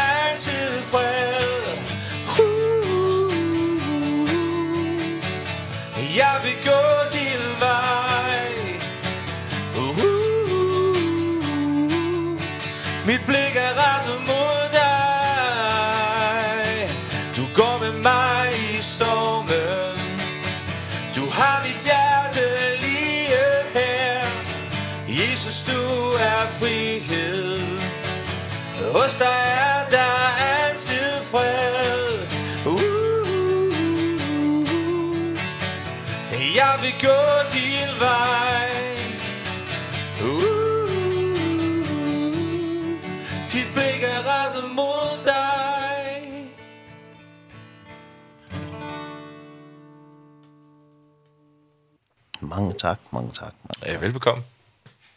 Nu ved jeg ikke, om uh, det er andre, uh, som har noget på hjertet, som er med dig her i dag, eller er med i, fra Tanner, som måske skal sætte sig i... Vi har glemt at sige, at Karoline faktisk har fødselsdag. Uh, uh, ja. ja. ja. Må man godt synge fødselsdagssang ja, i radioen? det var Ej. Ja, så kommer der jo hele færgerne over nettet også. Ja, lige præcis. Lidt ja, det skal synge med. Vi tager den på god international happy birthday. Er I klar? Ja. Happy birthday to you. Happy birthday to you. Happy birthday dear Karoline Funk. Happy birthday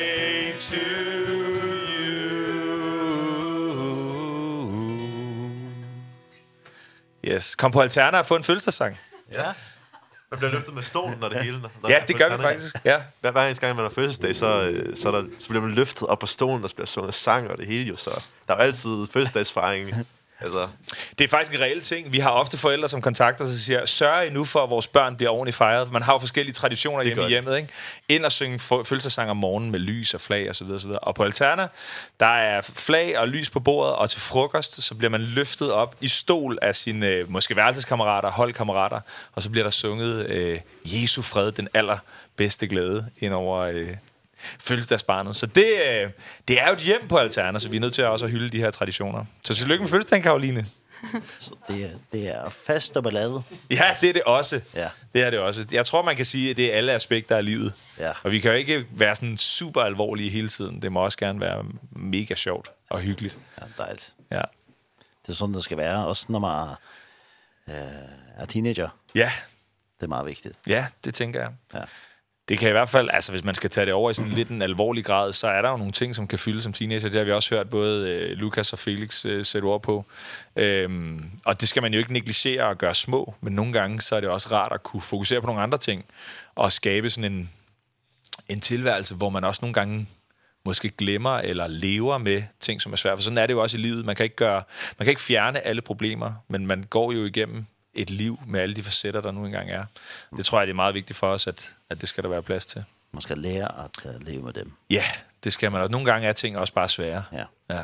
Men det er lidt uh, svært, men, men man må lære det. Ja, ja. præcis. Ja, og så nu har jeg fået nogle andre øh, til mikrofonen. Øh, kan I præsentere jer? Ja, skal jeg starte? Ja. Fedt. Jeg hedder Karolina, og jeg er 22 år gammel Og det er mit andet år som teammedarbejder. Jeg var her også sidste år. Mm -hmm. øhm, og jeg gik også selv på Alterna for, hvad, seks år siden. Øh, jeg gik der lige et år før de to andre, der var her. Mm -hmm. øhm, du er vores alderspræsident. Jeg er alderspræsident. ja. ja, ja, ja. ja. Og jeg var Super. med på Sydamerika-rejsen. Så, ja. Ja. ja. Jeg hedder Hanna, og jeg er 20 år gammel.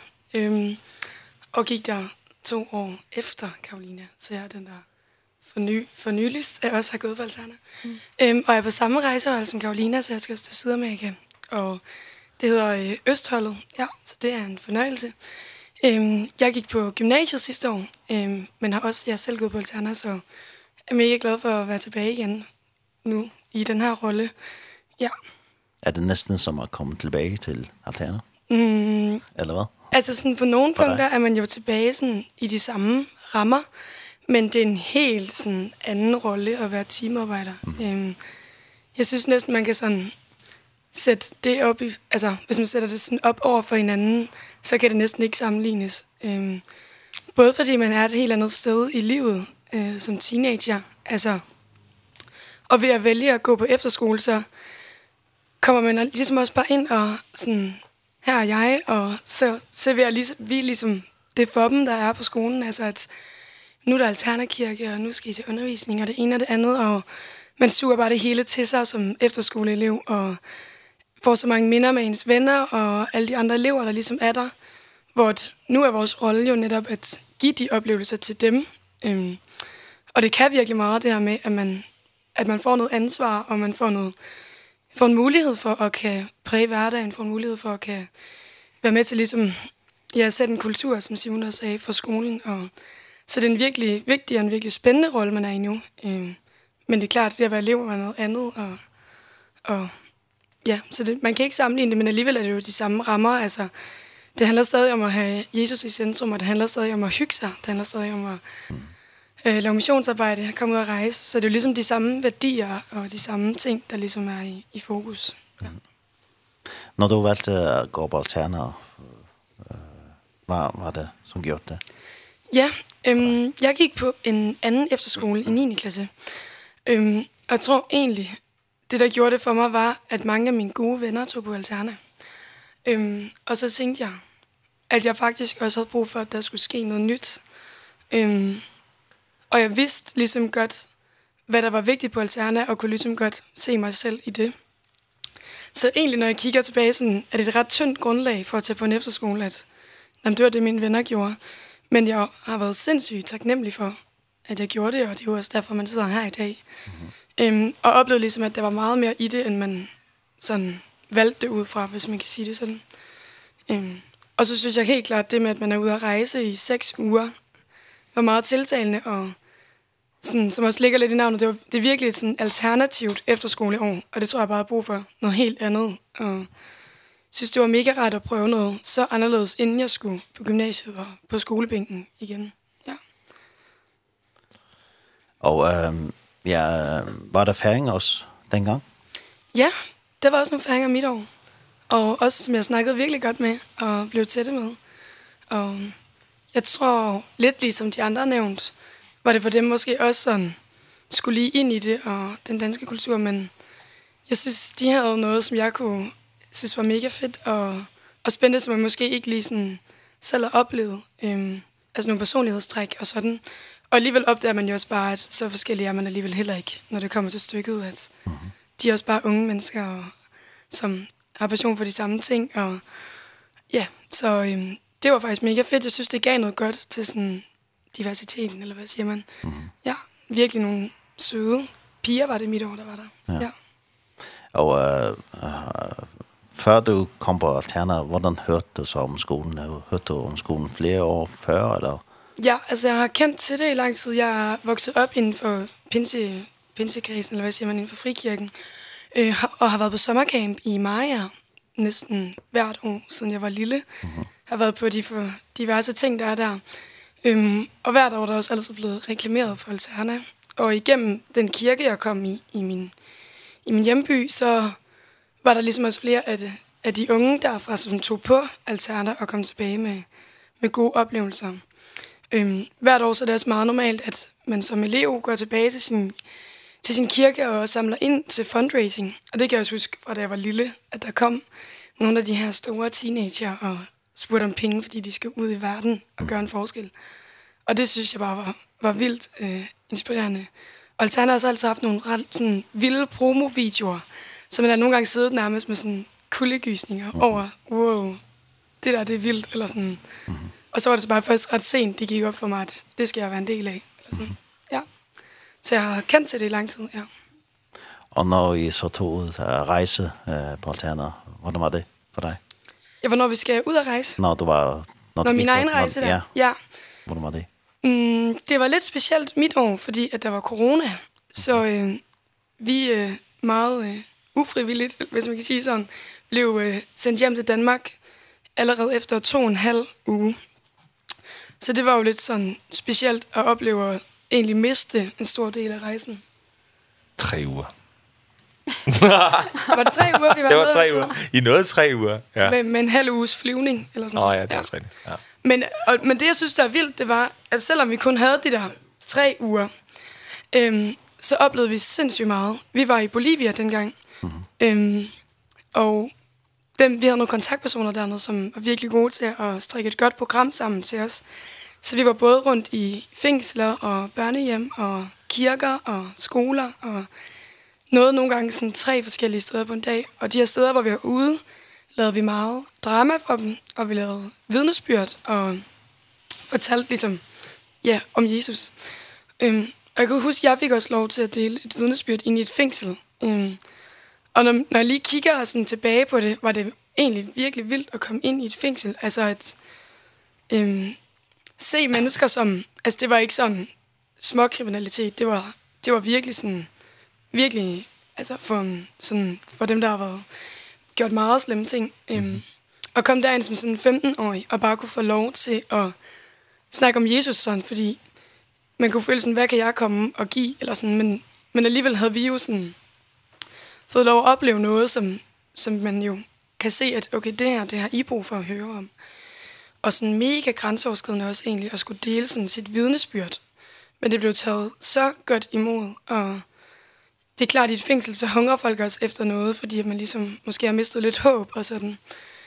Og sådan var det bare, at alle steder, vi kom, man blev bare sådan rørt og gang på gang og bekræftet i, at okay, vi har faktisk noget at, at komme og fortælle om her. Og man blev også bare som hold virkelig sådan styrket og kom tættere på hinanden. Og ja, så sådan udfordrende tur, fordi at man, man bliver konfronteret med en helt anden virkelighed. Men mega sådan sundt, tror jeg, og gavnligt også. Og at få lov at opleve det, og sådan kan gøre noget der, hvor man kommer hen. Ja. Så det var, det, var en, det var en vild oplevelse, selvom at det blev en, en anden oplevelse for mit vedkommende, end jeg havde regnet med. Mm. Ja.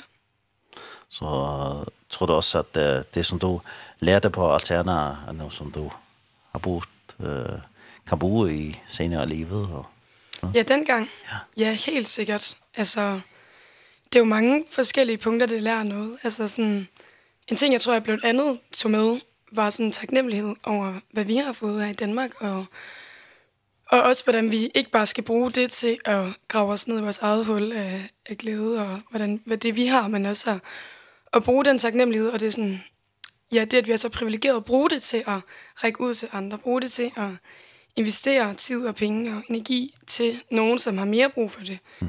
Og det tror jeg også, når jeg sådan snakker med de veninder, jeg stadig har kontakt med fra efterskolen, så er man også meget enige om det der med, at, at vi ligesom er blevet givet nogle ressourcer, og sådan, også har lært vores egne kvaliteter at kende, og også sådan fået med, at okay, det skal vi også turde bruge. Altså, ligesom bruge det mandat, man sådan har fået givet på en måde. Mm. Så det tror jeg helt sikkert, jeg har taget med, at man... Og det kommer jo nok også helt sikkert i bund og grund bare, at man er sådan blevet mere, både mere moden, men også bare vokset i sin egen sådan, selvtillid og troen på sig selv, og sådan, som man alle teenager, tror jeg, kæmper med. Mm -hmm. Så det er helt sikkert kunne tage med. Ja. Og det er også, når, der, man, når teenager, så skal man lige finde ud af, øh, den som man er, kende sig selv og sådan noget ting. Så mm. det er en god ting at øh, være på alterner. Og... Ja, meget. Ja. Jeg tror, at man sådan... Det hørte jeg faktisk nogensinde engang, det der med, at man sådan man hører mange sige det med, at man skal sådan finde sig selv. Men jeg tror, for sådan, alternativt også viden om det der med, at man også skaber sig selv. Altså sådan, man skaber, hvem man godt vil være, hvilke værdier man godt vil vise i sit liv, og hvilken person man ønsker at, at, at være. Og, og så også finde ud af, hvilke kvaliteter og styrker og gaver, man også har fået fra Gud. Og ja, det er virkelig et øh, fantastisk sted at sådan udforske det. Og ja, så tror jeg også det der med, at man har nogle andre mennesker tæt på, som har samme intention, virkelig gør noget godt i den rejse. Sådan, ja. Prøver nogle grænser. Bryder nogle grænser ja, for præcis. sig selv og sådan noget. Ja, bliver skubbet ud af ens comfort zone. Ja, mm. nemlig. Det er godt. Mm. Og det er noget, som I gør på Atlaner.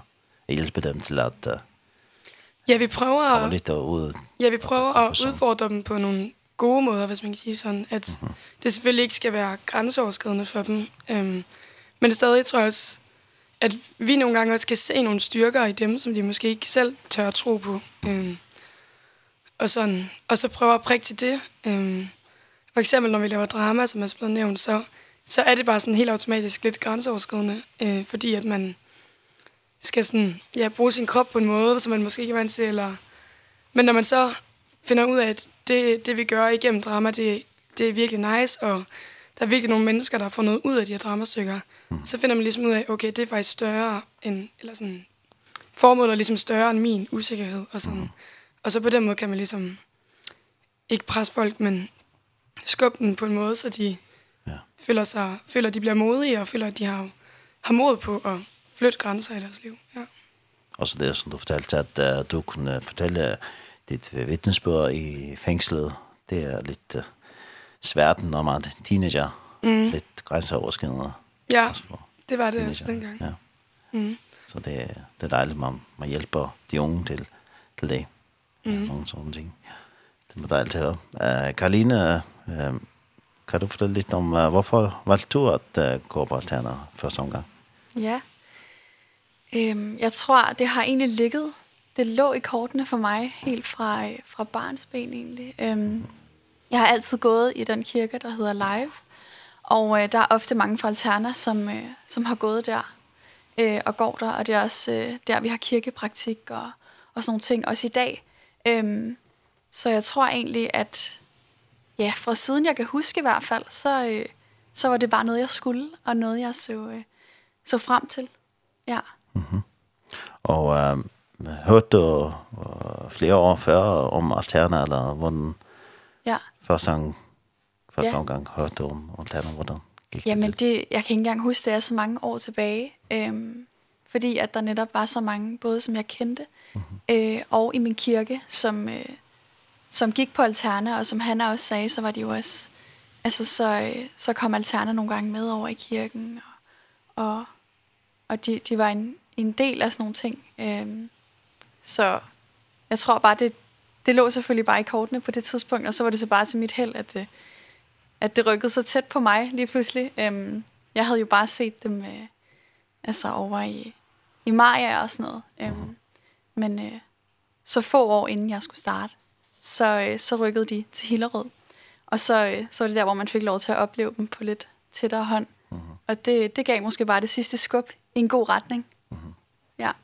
Og var der nogen, som du kendte, før du øh, gik på alterner? Ja, øh, nogen fra min kirke kendte jeg. Øh, nogen øh, cirka samme alder, øh, som har gået der et år eller to før mig. Mm -hmm. Og de har bare vanvittigt gode oplevelser, og jeg så også i dem, hvor meget de voksede, og hvor, hvor meget de modnedes i det. Og man havde bare lyst til at smage på noget af det, de havde. Mm -hmm. Så det var helt klart også en, en stor motivation at se, se også, hvad det gør, hvad det gør i andre. Mm -hmm. Ja. Og var der nogle færinger, der gik i skolen dengang, når du gik? Ja, dengang jeg gik. Ja, ja det er der. Øhm, der var nogle færing, og dem oplevede jeg også at komme til den på. Mm -hmm. Jeg har selv færøs familie, og min mor er færing, og min far har også lidt færøsk. Og, mm øhm, så det var på en eller anden måde også meget trygt. Øh, og det var også, øh, jeg valgte efter mit gymnasie, øh, der valgte jeg at tage mit første sabbatår øh, på færøerne Så flyttede jeg herop hos mine bedsteforældre. Mm. Og så så jeg også øh, nogle af dem, øh, nogle af de færing, som, øh, som jeg mødte dengang. Det er stadig nogen, jeg nogle gange taler med i dag. Så øh, det var bare mega naturligt, synes jeg også, øh, at, at de også var en del af det. Man, man tænkte ikke over, at de var færing, og vi var danskere. De, vi var et, og det var, det var mega godt. Så det har jeg også bare mega meget hjerte for nu, at, øh, at de skal få lov til at få en bid af det, ja. og det ikke skal føles som en anderledes oplevelse for dem. Jeg, øh, på den anden side, så så jeg det bare sygt naturligt, og man tænkte ikke rigtig mm -hmm. over, hvem der var hvorfra, faktisk. Prøvede du så at snakke færøsk til det færdige elever, eller hvad? ja, Dengang? jeg var vokset op med sproget, men øh, jeg synes, øh, jeg har bedre ved at forstå det, end, end at tale det. ja. øhm, men jo, vi, vi, vi prøvede lidt af, øh, og ja, man, man kan jo lidt alligevel. Øhm, men øh, det kan også godt... Vi, vi snakkede mest dansk på skolen, så, øh, så alle kunne forstå en. Ja. Det er måske lidt ekskluderende, hvis man ja. taler noget, som kun tre forstår. Nej, nej. ja. Hvor, hvor mange var der færinger dengang? Mm, var der flere? altså, vi var i hvert fald... Altså to, der boede der, mm. og så en, der også var sådan lidt halvfæring. Og øh, jeg gik der også med min tvillingesøster Hanna, og hun var jo selvfølgelig også færøske rødder og sådan noget. Mm -hmm. øhm, så der var alligevel en, øh, en god håndfuld. Ja. Ja, det var meget sjovt. Ja. Og dengang, øh, hvor rejste I til, øh, når I skulle rejse? Ja, øh, jeg var på Sydamerikaholdet, så det er faktisk det samme, som jeg er nu. Mm-hmm. Øhm, så vi tog til øh, Bolivia og til øh, Paraguay og Brasilien. Ja, det var ligesom øh, rejsedestinationen dengang. Mm. Hvornår var det? Hvor der var det? Hvornår det var? Nå, hvor, hvor der var det. Nå, hvordan det var, ja. ja. Det var virkelig, virkelig vildt. Mm -hmm. Jeg var selv meget sådan, ja, typisk teenager. Jeg var rimelig usikker på mig selv, og turde i hvert fald ikke sige noget foran folk, og hvad nu hvis de tænker noget, noget dårligt om en, og så videre. Øhm, og, og trods den usikkerhed oplevede jeg også at blive udfordret meget på rejsen, og så lærerne til at, for eksempel også som Hanna, bare sådan tale foran hundredvis af mennesker. Og det var jo selvfølgelig helt vildt grænseoverskridende, men, men i dag har det jo givet, givet rigtig, rigtig stor pote, og, og ligesom få det ind. Jo yngre man er, når man begynder, tror jeg, jo nemmere er det også at holde ved. Øhm, og så også bare hele fællesskabet, det er så intimt at være, altså i så tæt fællesskab med nogen i, i, i seks uger. Øhm, så det var sådan det hele, der var nice, og så også bare jeg tror ikke, man har selvfølgelig hørt om fattigdom og, og alle de ting, og set film og så videre, når man var ung, men at, at have det på så tæt hånd i så ung en alder, mm -hmm. det synes jeg bare gav et, øh, et vildt perspektiv, som jeg faktisk også synes er vildt vigtigt. Man tænker ikke over altid, øh, hvor privilegeret man er, øh, så det får man virkelig opdaget, og det synes jeg også er noget, man, man kan tage med sig videre, hvor godt vi egentlig har det. Ja. Øhm, ja, så jeg synes, jeg fik rykket mig på mange punkter. Øh, både sådan personligt og også i min tro. Fik lov til at se, hvad jeg var i stand til, også igennem Gud, og lærte at, at stole på ham, selvom man ikke helt vidste, om, om det skulle gå. Så, så kastede man sig ud i nogle vilde ting, og så gik det jo alligevel. Så øh, det har helt klart også givet mig en større tro på ham, og en større tro på at kunne kaste sig ud i nogle ting, øh, som man ikke helt ved, hvordan ender. Øhm, ja, så jeg synes, det har været været virkelig vigtigt faktisk for, for at lægge et, en del af det fundament, som gør, at jeg er den, jeg er i dag. Ja. Øh, så kan man jo bygge videre på det, det kan man jo altid. Så tror der, at uh, Gud er med, øh, noget som gør, man gør, ja. at uh, han skal nok hjælpe dig. Ja, ja. Det, det tror jeg er rimelig afgørende at tro på. Mm. Jeg tror, det, det er selvfølgelig svært, også når man er ung, og måske ikke har oplevet så mange vilde øh, ting, øh, også med Gud. Men øh, man bliver sådan lidt, altså det er på en god måde, men lidt tvunget ud i det, ikke? Man bliver nødt til at bare stole på det. Og så ser man jo gang på gang, at det virker, og at, øh, at tingene flasker sig alligevel. Og så øh, på den måde bygger man bare en større og større tillid op til, at det nok skal gå. Og så, det, så blev det mere og mere en naturlig del af, af hverdagen også, at når man skal ud i nogle grænseoverskridende ting, så minder man bare lige sig selv på, at Gud har styr på det, det, det skal nok gå, jeg behøver ikke vide alt til punkt og prikke, selvom jeg er meget sådan som person. Ja. øh, så det, det synes jeg helt klart har været noget af det vigtigste, jeg har taget med mig fra rejsen i hvert fald. Ja. Når man sådan tager ud og rejse og skal hjælpe og sådan nogle ting, de, og du ser, hvordan de her mennesker lever, føler man som en teenager, at man gør en forskel i ja. deres liv, eller er det svært at følge det?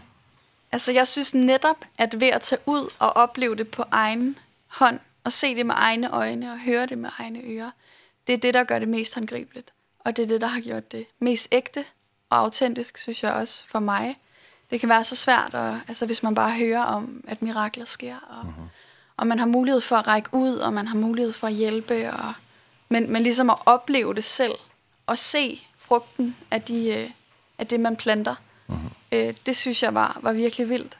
Man kan jo sidde, sidde og tænke selv, at um, vi laver et eller andet dramastykke måske. Man synes måske, det er lidt dumt selv, og man ved ikke rigtigt, om, om de overhovedet forstår det. Men så at se folk i gråd, øh, og folk bare overgive sig også til Jesus øh, på det, man gør, og det, man har med, selvom man giver jo, hvad man har, og man føler ikke altid, det er så meget. Men, men netop som teenager, synes jeg, det var mega vigtigt at få det så tæt på. Mm-hmm. Øhm, og se det med egne øjne, det tror jeg, det, det synes jeg jo, alle skal have lov til at opleve, fordi det er bare noget helt andet, og det, det giver noget helt andet.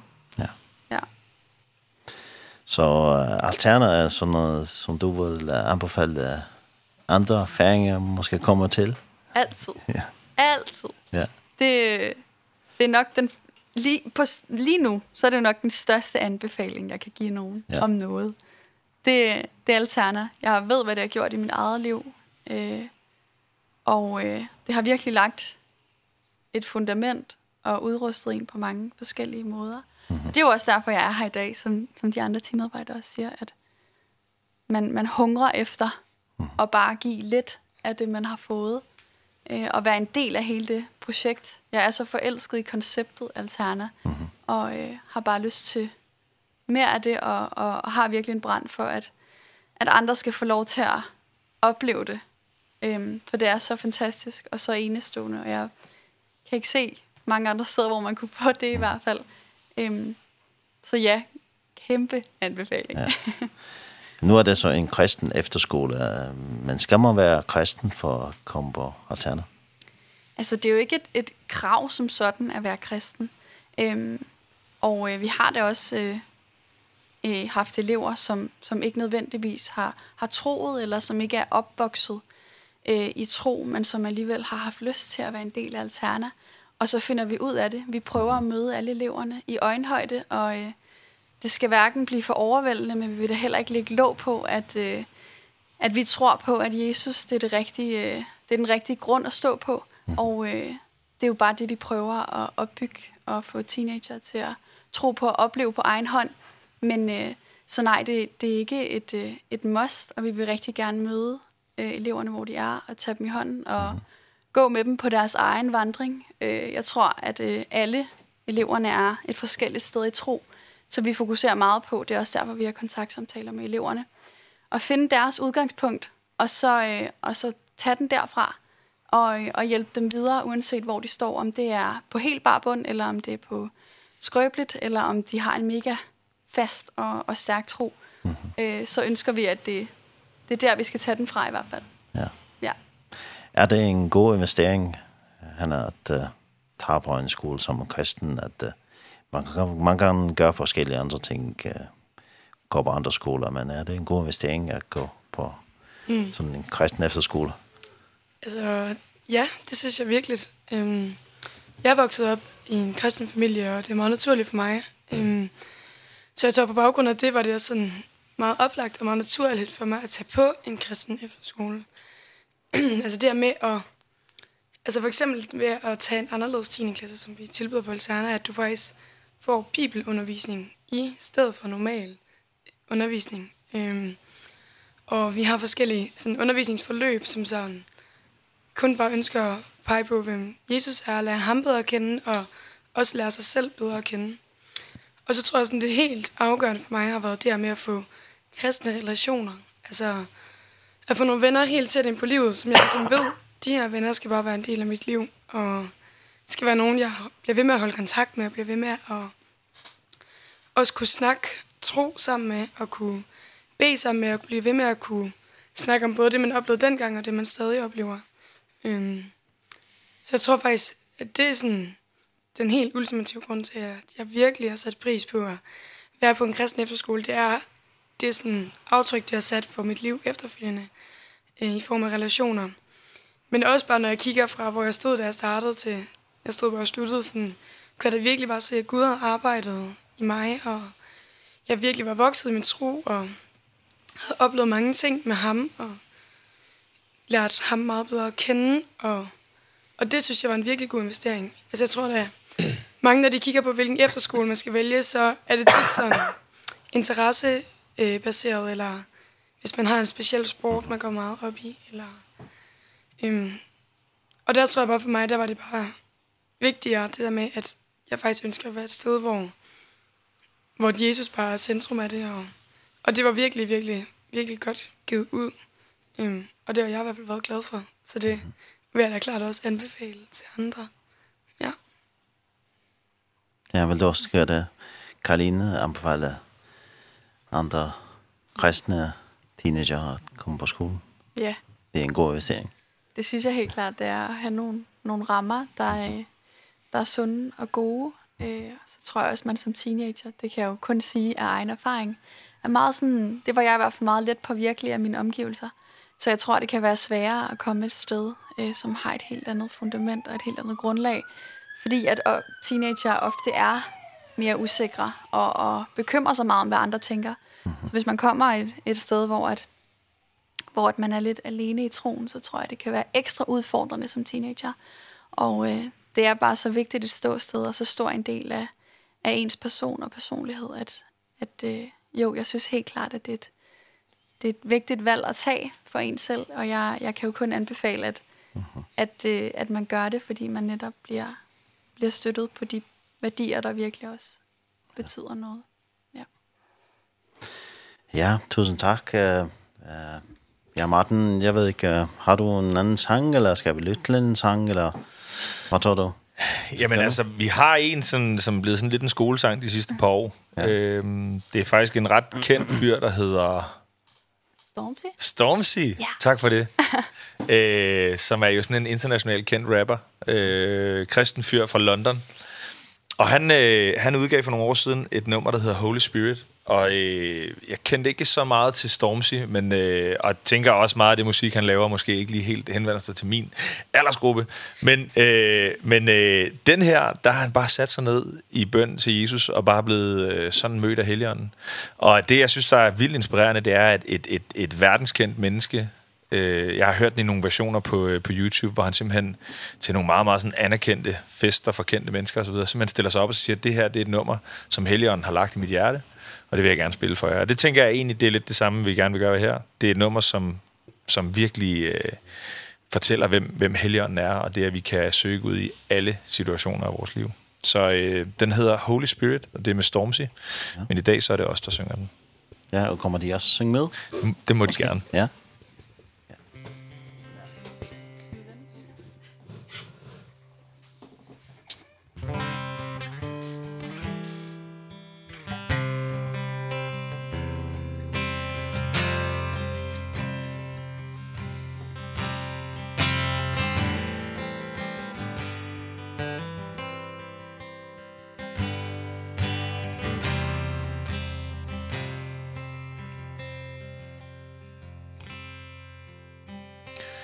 If you knew the pressure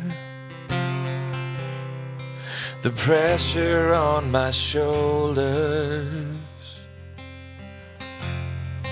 Father help me hold this Cause I can't bear the pressure. And if you knew the burdens The burdens are so heavy. But Lord, you made me ready To carry all my burdens. And if you knew the power And the power that's inside me What's mine cannot pass by me. Almighty God Almighty.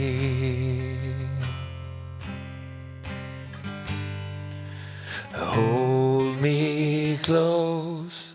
Fill me with your presence Holy Ghost. And Spirit, Father God, I found it. Lord, keep me surrounded. And isn't it amazing That faith was all we needed. to find the missing pieces. Oh, I've been searching for my Jesus. Ooh, times when I felt worthless. You gave me peace and purpose. Although I don't deserve it. Although I'm far from perfect.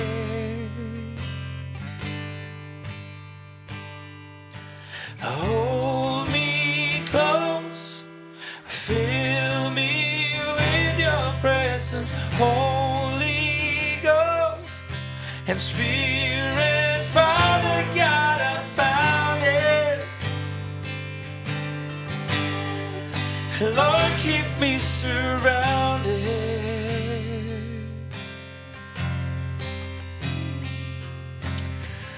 Holy Spirit, I don't know what this is. It's a joy and it's a feeling you give. Oh Lord, you came in and you filled me with bliss. It's a feeling I don't wanna resist. Oh Lord, Holy Spirit, show me the way. Hold me with the tightest embrace. Oh Lord, you will never lead me astray. And now I'm no longer afraid.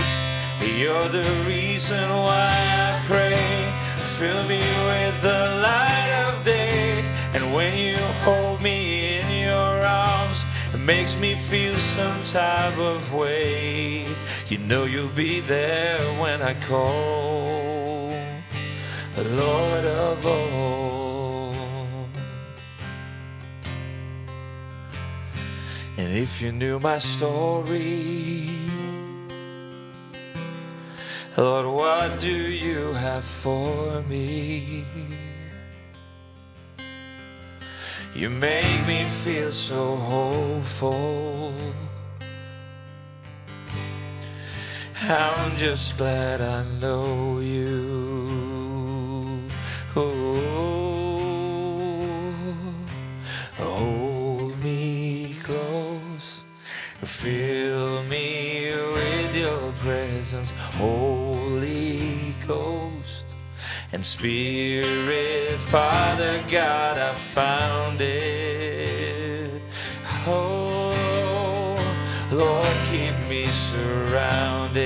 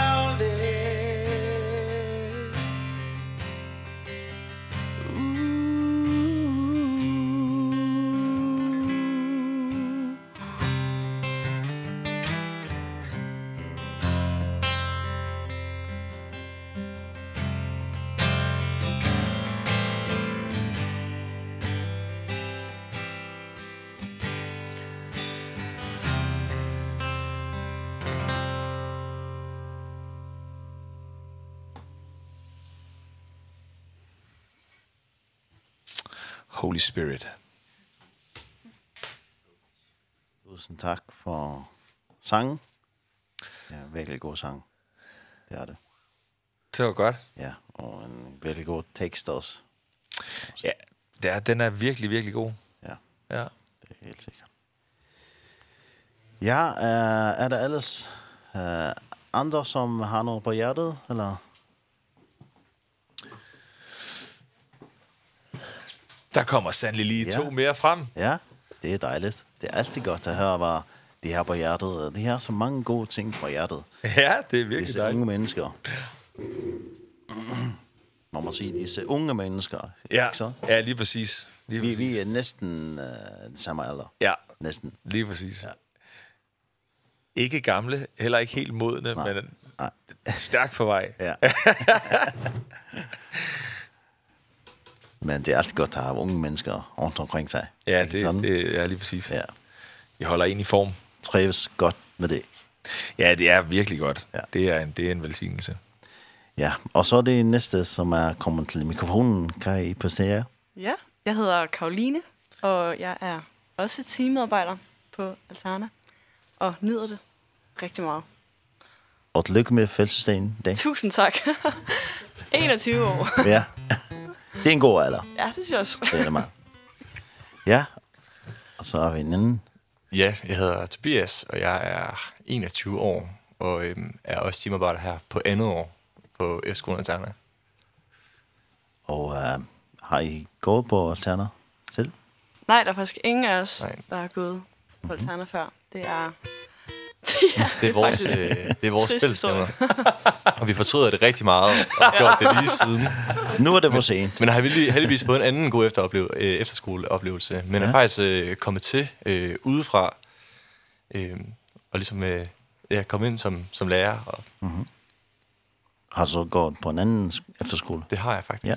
I, hvor, hvor, hvor, hvor var det for en? Det var en efterskole, der hed Rødhøj Efterskole, mm -hmm. øh, som ligger i Odder og min for sådan, fortælling med det, og min vej til Alterna, er ligesom, at øh, jeg har ligesom øh, vokset op i samme by, og samme, øh, samme liv, øh, eller sådan, det hele er ligesom foregået i en lille boble, øh, i en by med, med 15.000 øh, indbyggere, og valgte så at gå på F-skole øh, i samme by, og folk var sådan, det der det tit folk tænker med F-skole, det er, at du skal da bare væk, og du skal, mm. du skal lov at få en ny oplevelse, men jeg var sådan, måske en tryghedsnarkoman, der tænkte, øh, jeg skal være, jeg skal være her. Mm. Og min far var faktisk også forstander, så jeg holdt det meget kært, alt det, der, der skete der. Mm. Og så lige pludselig så, eller fik en masse gode oplevelser ud af det, og det var også nogle ting, det var også en kristen skole, og de oplevede de samme ting, som man måske kan gøre på alternativ med at rejse og, og udfordre sig selv. Men i, i, i slut 2G får jeg ligesom bare sådan følelsen af nok, eller sådan, det her det er bare sådan for meget. Jeg ved ikke, om jeg kan kende det på færgerne, sådan det der med sådan, det er måske, åh, er måske sådan lidt minifærgerne, eller i hvert fald sådan en, en øh, ting af det sådan jeg har fået nok, jeg har brug for at komme væk fra den her øh, fra den her boble eller mm. -hmm. de her de samme øh, de samme mennesker har tænkt mig at prøve noget nyt. Og kendte egentlig bare sådan alterner lidt af øh, af venner sådan.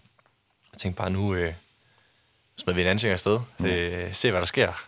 Uden sådan egentlig at vide, hvad er alterner egentlig for et sted og sådan Øh, og det har bare følt øh, eller sådan bragt en masse gode øh, oplevelser med sig lige siden. Så man kan sagtens komme uden fra alterne, og jeg tror egentlig sådan det er nok sådan en appel til, øh, til de modige øh, færinger, der turde tage, tage turen. Det var også en lang tur for mig. Øh, det tager 3,5 timer. Det er sikkert også, det tager i fly. Så sådan, det der med at, at turde være modig og tage, mm -hmm. at tage afsted og, og opleve, øh, opleve det, øh, Alterna bringer med. Altså, den her mytiske generation. Men når man ligesom er i det, så er det bare så fantastisk. Og det er jo også det, de bliver ved med. At der, altså sådan, der er jo kun gode ting at sige nærmest mm -hmm. om, øh, om det her sted. Så det er ikke nogen... Øh det skal man ska lika uh, gå på alterna for kunne være vara timmar mer av det. Så du er privilegeret? Ja, det behøver man ikke. Jeg har heller ikke gået på Alterna. Jeg er forstander for efterskolen. Jeg har ikke selv gået på Alterna. Men, øh, men øh, det er stadigvæk min anbefaling og investering. Ja. Men uh, det er muligt for, for alle at komme og være teammedlemmer eller ansøge om at være det. Det har det vist sig, ja. det er du et et et et ett ja kan man säga en en person som kommer ut från det är gott for eksempel for det på det att et godt eksempel på det att en som ikke er gået på alternativ ja. kan være med at lade hjælpe på en sådan skole.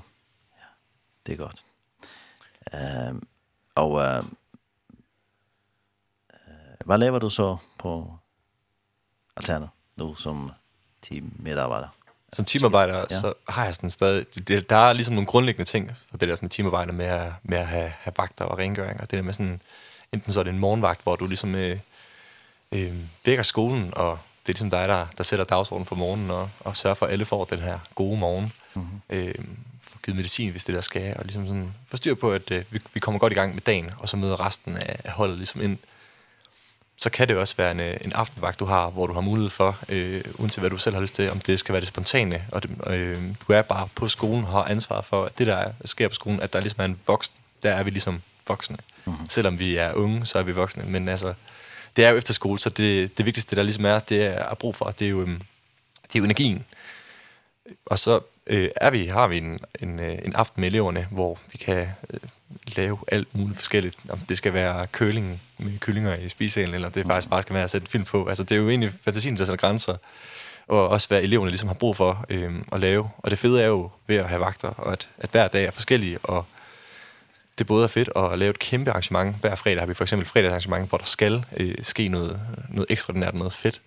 Men hvor det også bare er fedt nogle gange at, øh, at have et program, øh, programfri tid, hvor der også bare er plads til sådan det spontane og den... Øh, de elever, der som brug for, øh, for samtalen i det, og få lov til ligesom at træne det, og give dem et, øh, give dem, øh, eller være noget for dem i den situation. Eh, den skole som du gikk uh, efterskole som du gikk, ja. var det en kristen efterskole? Det var en kristen efterskole. Ja. Og den er i, um, der er sådan et uh, karismatisk netværk af efterskoler i, i Danmark, som den ligesom er en del af. Så den har ligesom, det er måske en, en, en fætter til altså kan man sige. Mm. Der, var en, uh, der er en kendskab til det. Det var Rødhøj Efterskolen gik på. Er det en, en stor forskel på den skole og Alterna? Mm, værdierne er det samme. Øh, Rødhøj er en smule større. Men øhm, ja, Rødhøj kan godt føles sådan lidt, øh, når, det, når, det en, øh, når, det, når det bliver sådan så stort, at øh, det kan blive meget sådan en, en business, og sådan er der plads til alle. Og jeg synes bare, at den størrelse, som Alterna har, og det med at komme derover og opleve bare sådan, at det virkelig ikke er, altså sådan, det er virkelig ikke business, der er, der, er, der sådan er, der er det main på den, øh, på den efterskole. Her er det virkelig bare sådan så meget elever, og så meget det hjerte og det kald, baseret på, at det er der, hvor vi er her. Vi er her virkelig for, øh, for at tjene penge, og at vi altid bare skal have øh, det allerbedste. Det er virkelig menneskerne, vi, øh, vi er der for, og det synes jeg virkelig er en stor, en stor forskel. Mm -hmm. Og øh, øh, var, det, var det også sådan, at man var taget ud at rejse på den efterskole, eller og, hvordan det er helt, for, helt anderledes, eller hvad? det var det faktisk. Men øhm, på Altern rejser vi 6 uger og til Sydafrika, eller Sydamerika. Her var det var to uger, og lidt mere, øhm, lidt mere lukket. Vi tog til Sydafrika og fik lov at opleve dernede. Øh, igen også lidt en outreach-tur, men der var også plads til, øhm, til det der med sådan at opleve og sådan ting. Men det er jo de samme følelser, jeg tror, man kommer hjem med, den der taknemmelighed og sådan, what, jeg har det egentlig sindssygt nice. Mm. Så der er ligesom fællesnævner, men Alterna er bare sådan lige, det er lige ligaen, ligaen over, for, for dem, der er dedikeret, så er det bare, tror jeg virkelig, sådan, det, det bedre valg, fordi du får bare, øh, der sker noget andet på 6 uger, end der gør på, på 2 uger. Mm. Så det er mere sådan en, en helhedsoplevelse at komme hjem med efter den, øh, efter den lange rejse. Mm. Er du så opvokset i kristen hjem, eller, eller gået på møder og kirker og sådan noget? Det er jeg. Ja. Både mor og far er godt kristne, og der er styr på det, og vi har lige en, en bibelhistorie til, til aftensmaden og en godnatbøn, og jeg har været meget glad for, for fader vor. Mm. Øhm, altid sådan kunne finde, kunne finde ro i det, og sådan, øhm, ja, har brugt mine forældres tro meget af det, og sådan, har gået meget op i, at vores, øh, vores hjem øh, skulle være et åbent hjem, og sådan, igen det der med sådan, de kristne værdier har fået lov til øh, at træde ind og være den der sådan, den næste kærlighedsfølelse, øh, som jeg ligesom har, sådan, har taget meget med videre, at sådan, igen som Lukas siger, det der med duftkristen, at det handler virkelig om sådan den der leve, levestilen, det behøver ikke være så, det behøver ikke være så kompliceret, det skal bare være det skal bare være, det skal bare være godt, og vi skal kigge på, hvad, hvad Jesus gør, og så skal vi prøve at invitere dem. Så det er et privilegium at uh, være også opvokset på et kristen hjem, det må man sige. Ja, det er det. Jeg vil faktisk sige, det er det ultimative. Ja, ja det er det. Det føles som, uh, det er sandhed. Det, det er ikke alle, som, som oplever det, at uh, opvokse i et kristen hjem. Det er det ikke. Nej, det er det. Men øhm, um, heldigvis så er, der, så er vi ikke han stadigvæk, selvom man ikke er opvokset i et, et kristen hjem. Ja. Og Karline, øh, ja, for dig, øh, hvorfor valgte du så at øh, ansøge på Altana? På Altana? Ja. Altså, jeg var faktisk helt vildt i tvivl inden, eller sådan, jeg har jo... Det er ikke fordi, at Altana var fremmed for mig, eller sådan kendt mange som to Altana. Nu gik jeg to år på en anden efterskole, så mange af dem, jeg gik med mit første år, to Altana, så jeg kendte lige så mange, og kom meget i kirken ved siden af Altana. Så sådan kendte rigtig godt til Altana. Øhm, men jeg gik jo allermest i tankerne om at være, være teamedarbejder på den efterskole, jeg selv gik på. Men fik, fandt bare virkelig meget sådan uro i det. Øh, og så er det faktisk først min, min mor, der spurgte mig, hvorfor søger du ikke på Altana? Og det fandt jeg bare virkelig meget ro i, og så tror jeg også bare udefra, hvordan at Altana måske kunne ramme elever på en anden måde end en lidt større efterskole kan. Jeg tror, det, det gør rigtig meget det der med, at det ikke er de der 100 plus elever, eller sådan, vi får virkelig lov til at, at være noget på en anden måde, eller sådan, vi har overskuddet, fordi der ikke er lige så mange, eller sådan. Så det er jeg glad for, at jeg gjorde. Mm. Og det var også sådan lidt, skolen kendte jo ikke mig på den måde, så var sådan, nu sætter vi bare afsted og ser, hvad der sker. Så. Og det var grønt lys med sammen? når du var ansøget? Eller, Ej, der var lige der altså, aftale samtaler. Og ja. Sådan. ja. Så det var vi glad for. Ja. Og den anden skole, den skole, som du gik efter skole, var, var, var for det for en? Hvad det var for en? Ja. Jeg døde mig her efter skole. Okay. Ja. Så det tog jeg både 9. og 10. klasse. Ja. Hvordan var det? Det var to meget forskellige år. Øhm, mit første år var mega godt, og der kommer man også bare som sådan 15 år og oplever, hvor fedt det er at have mennesker omkring sig hele tiden. Eller sådan. Mm -hmm. Det var bare konge, og man havde det bare sjovt, og man tænkte ikke så meget. Og så skulle man ligesom i 10. klasse, som også var sådan alternativ efterskole. Eller sådan. Mm -hmm. Det der med, at man ligesom ikke har skoleundervisning på samme måde. Øhm, og det var jeg helt vildt udfordret af, at øh, man ligesom blev konfronteret med en masse sådan selvudvikling, og det var ligesom det, der var fokus for mit 10. klasses skoleår eller sådan det med, at man skulle udvikle sig sin tro og personligt. Og fordi det bare var en lidt større efterskole, tror jeg ikke, jeg helt på samme måde altså sådan, følte, at jeg kunne, kunne rumme det, eller sådan, mm -hmm. og at man blev grebet på samme måde. Mm -hmm. øhm, så jeg tror, man måske kan, kan se tilbage og tænke, åh, oh, vil Altana have været et optimalt sted for mig i 10. klasse. Mm -hmm. Men man kan ikke fortryde noget, og Nej alt er godt, og jeg er glad for at have fået lov til at opleve at være på Altana på den her måde. Mm -hmm. sådan, kan Hvor, få lov til at give. Hvorfor valgte du at uh, gå i, i MIA? Øhm, det gjorde mine forældre, og mange, mange familiemedlemmer havde også gået der. Og, så mig er også bare en dejlig by. Og, mm -hmm. Ja, kender fra sommercamp, og det er også en rigtig god efterskole. Mm -hmm. så. så du var opvokset til kirke og møde? Ja, og... det er jeg helt fra barnsben af, og jeg synes, Tobias så siger, at det er et kæmpe privilegie, eller sådan, det, det er nice, det er fedt. Og den, er det så stor forskel på, på Terna og så Marie øh, skolen der?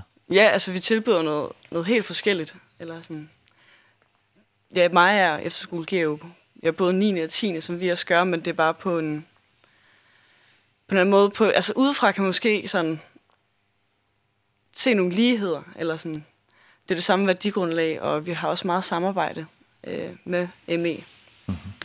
Men når man ligesom sådan har oplevet Alterna, kan man jo bare sådan kun snakke på førstehånds oplevelse, at det bare giver noget, noget helt andet, eller sådan kan få lov til at, at være noget andet for eleverne. Øh, og så oplever jeg også bare sådan, Gud er virkelig bare i centrum for alt, hvad der sker, og det er også noget af det, jeg var sådan helt overvældet og sådan glad for da jeg først kom, at sådan, Gud bare blev inddraget i alt, eller sådan, hvis der var et lille problem, både i elevflokken eller lærerstaben, så blev Gud inviteret med ind i det, og jeg, sådan, man føler bare sådan, Gud sådan ånd bare er alt andet ret blødt oven på altaner, eller sådan, på en måde, man bare ikke sådan helt kan beskrive, eller sådan mærke andre steder. Mm -hmm.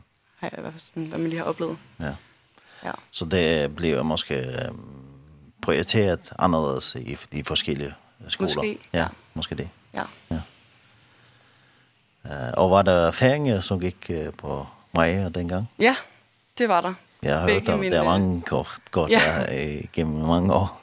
Ja. ja, jeg tror også, der var sådan 3-4 stykker begge mine år. Mm -hmm. øhm, så det Kom. gav helt klart også meget, og sådan, også det med sådan, jeg har bare sådan tydelige minder, minder af, af dem, der bare kommer og har fået post med tørfisk, og sådan, Ja. Det var det er sjovt at sådan, lige sådan se hinandens forskelligheder og, og lære deres kultur og, mm og finde de der ligheder.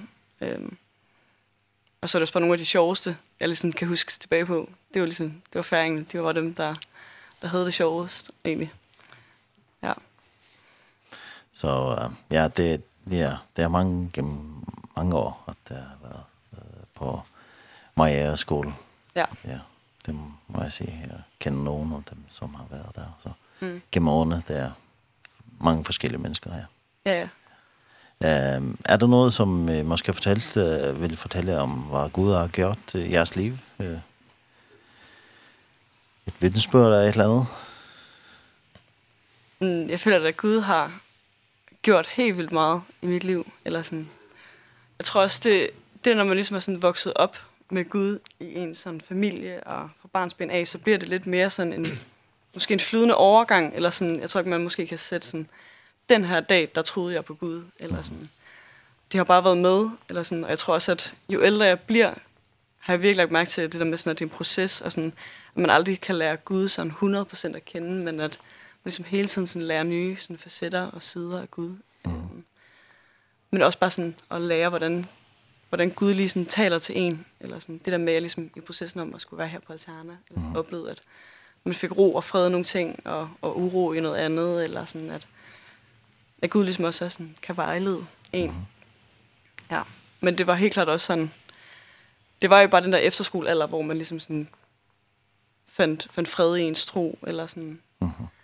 Men som ung, så er det bare sådan der, man er allermest sårbar over for sådan forandring, og udvikler sig allermest. Mm. Så det er også derfor, at det, at det betyder ekstra meget, at, at Gud får lov til at fylde lige der mm i den alder. Mm ja. ja, har du noget? Jamen, jeg synes, øh, der er jo så mange... Øh, der er så mange ting at være taknemmelig for. Der er også det der med sådan, at uh, count your blessings, og det er virkelig noget, sådan, jeg prøver at holde mig fast på, for jeg synes bare, at der, hver dag er der jo bare et eller andet sådan, at tage fat i, hvor sådan, Gud har virkelig, virkelig, virkelig i det her.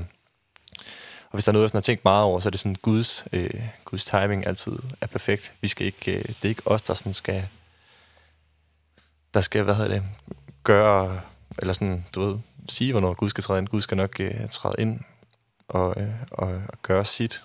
Og sådan tror jeg også, det var på, øh, da jeg selv skulle søge på Alterna, var faktisk øh, for sent ude, var jeg jo egentlig bare sådan en, måske, der, der var et andet liv, der kørte, øh, på det tidspunkt i året, og lige pludselig så, jeg havde jo bare haft den her lille drøm, der fik lov at, at leve, og lige pludselig så, øh, så er det faktisk mine forældre, der sidder til bord med, med Martin, med Martin, og ender bare tilfældigvis med at snakke om, hey, vi har en, vi har en søn, der, der kunne tænke sig at søge på alterne, og sådan, åh oh, nej, der er faktisk, øh, hvad hedder det, der er overskrevet, det, hvad hedder det, dato, det, eller sådan, deadline er gået, og de ting, og øhm, vi har kaldt til samtaler, og jeg er sådan, uh nej, min mor skriver der, er sådan, det er løgn.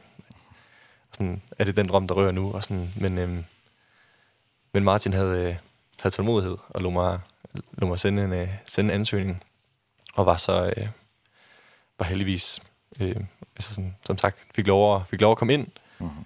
Øh, og den, den lille timing og alle de ting, der, der sådan har på en måde sådan, bare sådan fået lov at forandre, forandre mit liv, at jeg har kommet, kommet derover og fået lov til at, at mærke Guds, øh, Guds virken på en, på en ny måde, særligt gennem det der med sådan, i bøn og i tro, og det der med tur faktisk at, øh, at stole på Gud, stole når, også, når isen, er, isen er tynd, og tur bringe, bringe Gud ind i det, og øh, lytte til Gud. Øh, en klog mand sagde til mig her øh, sidste år, det der med, at hvis, øh, hvis 9 ud af 10 gange, øh, at det er en menneskelig en, øh, indsigt eller indspark, Øhm, hvad holder der så tilbage for den tiende gang? Det, det er fra Gud, og faktisk kan, kan, for, kan forvandle mennesker. Og det har jeg bare fast i altid med at gøre noget med god mening. Og hvis det så faktisk er Gud, øhm, der får lov at arbejde igennem mig, så er det bare en kæmpe velsignelse, både for mig selv, øh, men også øh, for andre. Og det var faktisk også noget, vi igen, der var så mange, altså det er jo en, jeg på lave en liste på, på 20 km herfra til Torshavn, mm og hele færden rundt, på hvor mange velsignelser der er, eller sådan, hvor meget godt der faktisk sådan er. Men hvordan vi øh, i slutningen øh, af rejsen er trætte, og vi har vi fortæller om det her med drama og sådan noget, mm. at det er, en, det er en del af det, vi gør, og har egentlig bare de her feriedage tilbage, hvordan vi bare skal nyde mm. Rives øh, smukke liv, og den puls, der ligesom er der. Har haft en, øh, en lang tur på stranden, og har haft det fantastisk der ikke lige drukket så meget vand, og mange er røde, og, sådan, øh, og tænker sådan, okay, det her med drama, det, sådan, det er over, vi kan godt holde til at rejse mere, men ikke på den her sådan intense måde. Mm-hmm. Øhm, til at øh, der pludselig er nogen, der får en skør der om, at vi skal ind på det her berygtede Copacabana og lave, øh, og lave et, øh, et dramastykke derinde. Og det er jo eleverne, der skal gøre det. Det er jo ikke, det er ikke os, men jeg mærker den der sådan, på elevernes vegne, det, det gør jeg ikke. De har, de har, de har gjort sit, og mm-hmm. øh, sådan, er faktisk med på, sådan, på deres side, og det er lidt den der sådan, nej, pas nu på dem, de, de er sårbare, de unge mennesker og sådan. Men øh, på en eller anden måde, så er det sådan, så lad os da se, hvad der, er. lad os da se, hvad der sker, og sådan, okay, fair nok, eller sådan. Der er måske lidt, lidt krudt tilbage i tanken, lidt, øh, lidt benzin endnu, og vi tager der ind, og det er sådan lidt nervepirrende, og sådan, folk stopper ikke helt op, der er en helt spændende fodboldkamp, der skal ved siden af med sådan noget beach, nogle virkelig dygtige brasilianere, som man kun har set på sociale medier og sådan noget, det, det er virkelig spændende, og så er der også med det her sådan, lidt skøre drama ved siden af, og sådan, øh, men med et godt bud, øh, budskab selvfølgelig, og, sådan, øh, og den der sådan nervepirren, øh, nervepirrenhed, der, sådan, der, der var i det øjeblik, og sådan, følte virkelig isen var tynd, og sådan, okay, gud, du, på en eller anden måde har du vel sat os her, du har blandet nogle idéer hos det her. ehm og der kommer ender med at, sådan, at stoppe en dame op, ehm og har store tårer øh, i øjnene, øh, og sådan, vores kontaktperson, øh, Ricardo, øh, kan så kommunikere med hende på, på brasiliansk, og hun, hun fortæller, at øh, hun har været langt væk fra kirken, men på sådan, det dramastykke, der talte bare direkte ind i hendes øh, liv. Uh -huh. Og vi endte faktisk med at stå i en, en cirkel omkring hende, og, og stå og bede for hende midt på Copacabana. Og der var det bare som om, det var bare sådan et tidsløst øjeblik. Der var så meget puls og så meget stemning og mennesker omkring alt det der, men der var der bare lige sådan plads til, til Gud, og det der med, at der var et, der var et lam, der var fundet, der var fundet hjem. Mm Og der var jeg virkelig bare sådan, okay, altså, vi kan jo bare komme med hvad som helst, hvad vi har, eller sådan. Vi, nogle gange bliver vi bare nødt til sådan at, at, at træde op, og vores usikkerhed er som sagt jo bare sådan, at Gud er bare større end det, og vi har bare en, en stor Gud at gøre, og mm. han har bare styr på det. Og det kan jo bare, det sætter jo bare ring i vandet om den her sådan, at han er, altså han er, han er trofast. Det tror jeg virkelig er, er ordet mm. i det her. Så de store ting og de små ting skal man være taknemmelig. Ja, må man sige. helt sikkert. Helt sikkert. Ja, det er fantastisk at høre. Ja, tiden den går meget hurtigt, når man er et godt selskab, det må man sige. Ja, ja. det er rigtigt. og jeg vil sige tusind tak for alle jeres vidnesbørd og alt det, som I har fortalt om, om skolen og, og, og jeres liv, hvad I oplevede med Gud. Uh, og Martin, uh, Var du lyst til at sige nu det sidste? Nej, men vi har da lyst til at sige tusind tak, fordi vi måtte komme forbi ja. og, og være sammen med dig her i nogle timer. Det er en kæmpe fornøjelse, øh, og, øh, og dejligt ja, det, at være på færgen. Det, det er altid en fornøjelse. Ja. Jamen, det er det, det virkelig. Er det. det sætter vi pris på. Ehm jeg tror bare det der er på vores hjerter, det er jo også som som de sidste timers øh, samtale har været omkring at det det er et, et Alterna et sted som øh, det er Guds sted. Det er det er Guds idé Eh og Gud han kalder os i missionsbefalingen til at gå ud og, øh, og døbe og lære øh, og, og, og vende mennesker til tro. Øh, og det er egentlig, kan man sige, vores drivkraft og vores grundlag på Alterna. Det, det er vores opgave. Mm. Så vi ser øh, ikke Alterna som vores sted, men vi ser os som redskaber på Guds skole i forhold til at uddanne øh, missionærer, uddanne mennesker til at, at pege på ham så er der noget, som vi gerne vil lade stå tilbage her, så er det jo, øh, så er det jo den mulighed. Øh, man kan sige, selvfølgelig så sidder vi lidt som, øh, som øh, and i egen sovs her, øh, og, og forklarer noget, som vi elsker og holder af, men, men det er større end som så. Jeg tror, man... Øh, Øh, har man en drivkraft for at gøre en forskel, har man en drivkraft for at fortælle om Jesus, for at lære Gud bedre at kende, jamen så så så vi vil bare sådan anbefale klik ind på vores på vores hjemmeside, på vores sociale medier Efterskolen Alterna på på Facebook, på Instagram, på TikTok, øh, og følg med, øh, også få et indblik i kulturen, fordi det skinner meget igennem, øh, også på, på de sociale medier, hvordan vi, øh, hvordan vi agerer og, og, og har det i hverdagen. Så sker der mange spændende ting på skolen, noget vi slet ikke har talt om øh, endnu, og ikke behøver at tale en hel masse om, det er, at, øh, at øh, det er mit sidste år som øh, forstander på Efterskolen. Alterna stopper til sommer, øh, og der er fundet et nyt forstanderpar, Jonas og Saina Konrad hedder de, øh, og de starter... Øh, øh, hen mod sommerferien, og der vil være noget overlevering og så videre. Øh, så det er både for at sige, at, at skolen går en ny og spændende fremtid i møde. Øh, konceptet ændrer sig ikke. Visionen og missionen er det samme, men øh, nye mennesker skal til, og, øh, og, og derfor så bliver der også sat nye præg på tingene i, i fremtiden. Det tror jeg bare er en super, super spændende øh, rejse at, at være en del af, så vi kan ikke opfordre nok til at... Øh, Og øh, meld jer til, gå ind og klik, så ringer vi til jer, vi får en god snak, og så, øh, så håber vi at og, øh, og igen kunne øh, se 5, 10, 15-20 færinger på ja. efterskolen Alterna. Hvem ved? Hvem ved? Øh, det kunne være fuldstændig fantastisk. Så øh, der kommer til at ske rigtig mange spændende ting, og vi er meget taknemmelige for at, øh, at have måttet kigge forbi dig øh, ja. her i studiet. Og øh, ja, I er altid velkommen i, i studiet her på Færøerne. Det lyder rigtig dejligt. også senere, når, når de, de som følger efter dig, de er yes. altid velkomne også. Ja, det lyder rigtig godt. Kom og besøg os her ja. i radioen, det, det er altid velkommen. Ja. Um, og um, ja, hvis, hvis nogen har spørgsmål eller et eller andet vedrørende skolen eller et eller andet, så kan de altid kontakte jer. Yes, der står informationer på hjemmesiden, ja. og I er meget, meget velkommen til at skrive og til at ringe. Også nu, må man sige her på færgen. Ja, lige præcis. Altså, vi, øh, vi kører lidt rundt omkring, øh, og i morgen skal vi forbi øh, Children øh, friskole. I morgen aften tror jeg, vi, øh, vi kommer til at være med til et stort øh, ungdomsarrangement. Ikke med, med indslag og så videre, men der skal vi bare ud og opleve en masse dejlige unge øh, færøske mennesker. Øh, prise Jesus. Og, og det, så, det, det var i Skoldervik, øh, i efterskolen i Skoldervik. Ja, lige præcis. Der skal vi ned, og, og der, der, det har vi hørt, øh, hørt rygter om, at øh, der kommer til at foregå noget stort Så det vil vi gerne ned og se og, øh, og lære at være en del af. Ja, og det er morgen kl. 8. Klokken 20, ja. I... Fredag kl. 20. Og sidste år, der sejlede vi derned, og nu kan ja. man tage en tunnel. Ja, det er ja. helt vildt. Ja, det glæder vi os til. Ja. ja. Lørdag, der øh, kommer vi til at have teenage ungdoms øh, være med på et øh, ungdomsmøde i Children øh, om aftenen. Og så søndag, så er vi både med på City Church gudstjeneste, og har også en informationsstand på Children's gudstjeneste. Mm -hmm. øh, og så har vi et skolebesøg øh, igen på, øh, på mandag. Så vi kommer til at være rundt omkring, og mm. folk er meget, meget velkommen til at komme til. Vi går rundt med sådan nogle gule firkanter på, øh, på brystet. Ja. Og øh, så kan man bare komme hen og prikke os på skuldrene og sige, nej, det vil vi meget gerne snakke mere. Ja. Og i Tjaldan, der kommer være lørdag kl. 8. Yes. Og så her i Torshavn, øh, i Citykirken. Det er... Øh, det er kl. 1. Det er kl. 1, ja. Ja, og så, præcis. hvor var det søndag aften? Øh, søndag aften, der skal vi øh, spise øh, dejlig færøsk fisk og, og, og nyde en, øh, en aften i Torshavn. Ja. ja. Det bliver godt. Ja, det er dejligt. Ja. Så I kommer til at have en rigtig god dag. det gør vi, ja. ja. Og øh, det er ikke så tåget. Vi, er, vi glæder os til at komme rundt og se. Ja, alle håber vi, I ser noget. Ja. ja, ja det skal vi nok. Og øh, rejser så tilbage tirsdag eller Vi rejser tilbage mandag eftermiddag. Mandag eftermiddag. Ja og så går der faktisk kun øh, den 28. januar, der rejser rejseholdene afsted. Øh, så vi har ganske kort tid til, vi skal afsted på vores missionstur. Så det er vi stor forventning til. Ja. Det, det bliver helt fantastisk. Så eleverne og de øvrige lærere, de er hjemme på skolen nu og, og gør klar. Mm. Der er hektisk aktivitet, der skal pakkes, og ja. de sidste stykker skal læres, og vi skal skrive de sidste ting på vores prædikner og mm. opfølgninger osv. Så, videre. så der, er, der er det summer af liv og forventning. Og hvor rejser det til?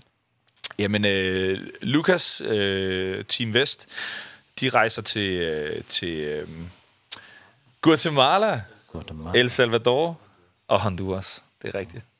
Så tre steder. Tre steder, tre lande på seks uger. Mm -hmm. og, øh, og så øst øh, som øh, i første omgang bliver ledt af vores lærer Efrem, og så øh, min kone og jeg, vi tager ud øh, efterfølgende og leder holdet færdigt. Og der rejser vi til øh, Paraguay og en lille smut ind i Argentina, og så resten af tiden i øh, Sao Paulo og Rio mm. i Brasilien. Yes. Det lyder meget spændende. Det bliver rigtig spændende, yeah. og vi glæder os. Og kommer I så med, og så alle jer, eller hvad? Yes. Det skal med. Hver en skal, Alt, skal med. skal med. Ja, lige præcis. Det, det er meget spændende det er, det er, man må tage det sure med det søde, og som sagt, så teamarbejderne, de har rigtig mange både vigtige og også krævende opgaver, og det er klart, at selvfølgelig skal de også være med der, hvor at, at, at, at tingene sker. Det er, det er en opgave for, ja. for, for helheden. Så det er et team af rejseledere og teammedarbejdere, som tager afsted på begge rejser. Så må jeg have en rigtig god tur, og god velsignelse, og god må være med jer, og hjælpe jer i alting. Tusind tak. Det er, som vi skal gøre. Tusind tak. Ja. Uh, måske skal vi slutte med en bøn. Har du... Ja, eller, det er en, bøn? god idé. Ja. Jeg vil gerne blive en bøn. Ja. Kære Jesus, tak for, øh, for den her mulighed. Tak for øh, det her hyggelige fællesskab sådan eftermiddag midt i, øh, i Tornshavn. Tak for, øh, for radio, for mediet. Tak for, at, øh, at øh, at øh, vi kan sidde i et, i et fællesskab, øh, uanset om det lige er på adressen, eller om det er i bilen, eller i hjemmet, Jesus, så er, så er du os nær, og du øh, passer på os. Vi beder om din velsignelse over efterskolen Alterna, men allermest lige nu, så har vi også øh, lyst til at, at velsigne færøerne som øh, folk og som, øh, som, som land. Jesus, vi takker dig for øh, gæstfrihed, vi takker dig for skøn, skøn natur, for en, en fantastisk kultur og mennesker, som er imødekommende, og tak, at vi kan dele øh, ikke bare rigsfællesskab, men også relationer og venskaber øh, Så øh, Jesus, vi er taknemmelige, øh, både den her eftermiddag og øh, også i, i fremtiden. Tak dig for din velsignelse, Jesus. Amen. Amen. Amen. Tusind tak for det hele. Selv tak. Meget dejligt at have jer her i studiet. Uh, vi skal måske, ja, tror vi skal slutte med en sang, som vi har valgt på playlisten. Jeg synes, vi skal tage øh, Katedral. Ja. Den synes jeg passer rigtig godt til øh, færøerne. Yes. Det her med, at øh, det er et, øh, et billede på, hvordan øh, ligesom vi kan skabe store kirker til ære for Gud, så har Gud ligesom skabt jorden som sin katedral til os mennesker, så vi kan tilbede ham, og jorden minder ham om, eller minder os om hans storhed. Mm -hmm. Så tusind tak, Karolina og eh, Karolina og Karolina og Lukas, Felix, Tobias, Hanna, Simon og Martin. Selv tak. Tuani. Ja, tak. Ja. Uh, og må jeg gå rejse hjemme også, når jeg rejser på mandag. Tak for det. Tak Thank for you. det, god Alsins.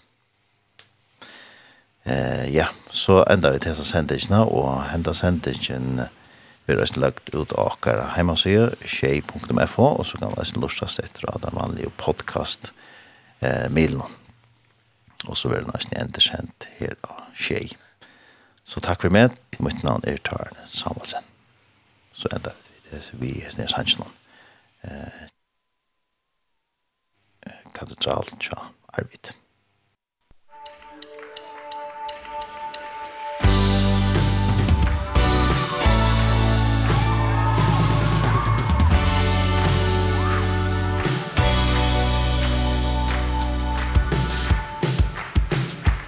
Stormigt dit.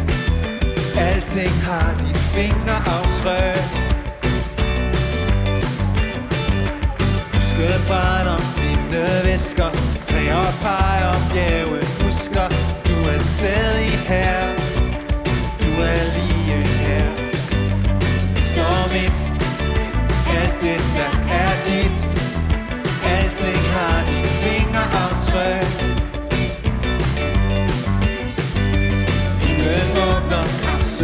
lyser. Stine råber stjerner lyser. Du er stadig her.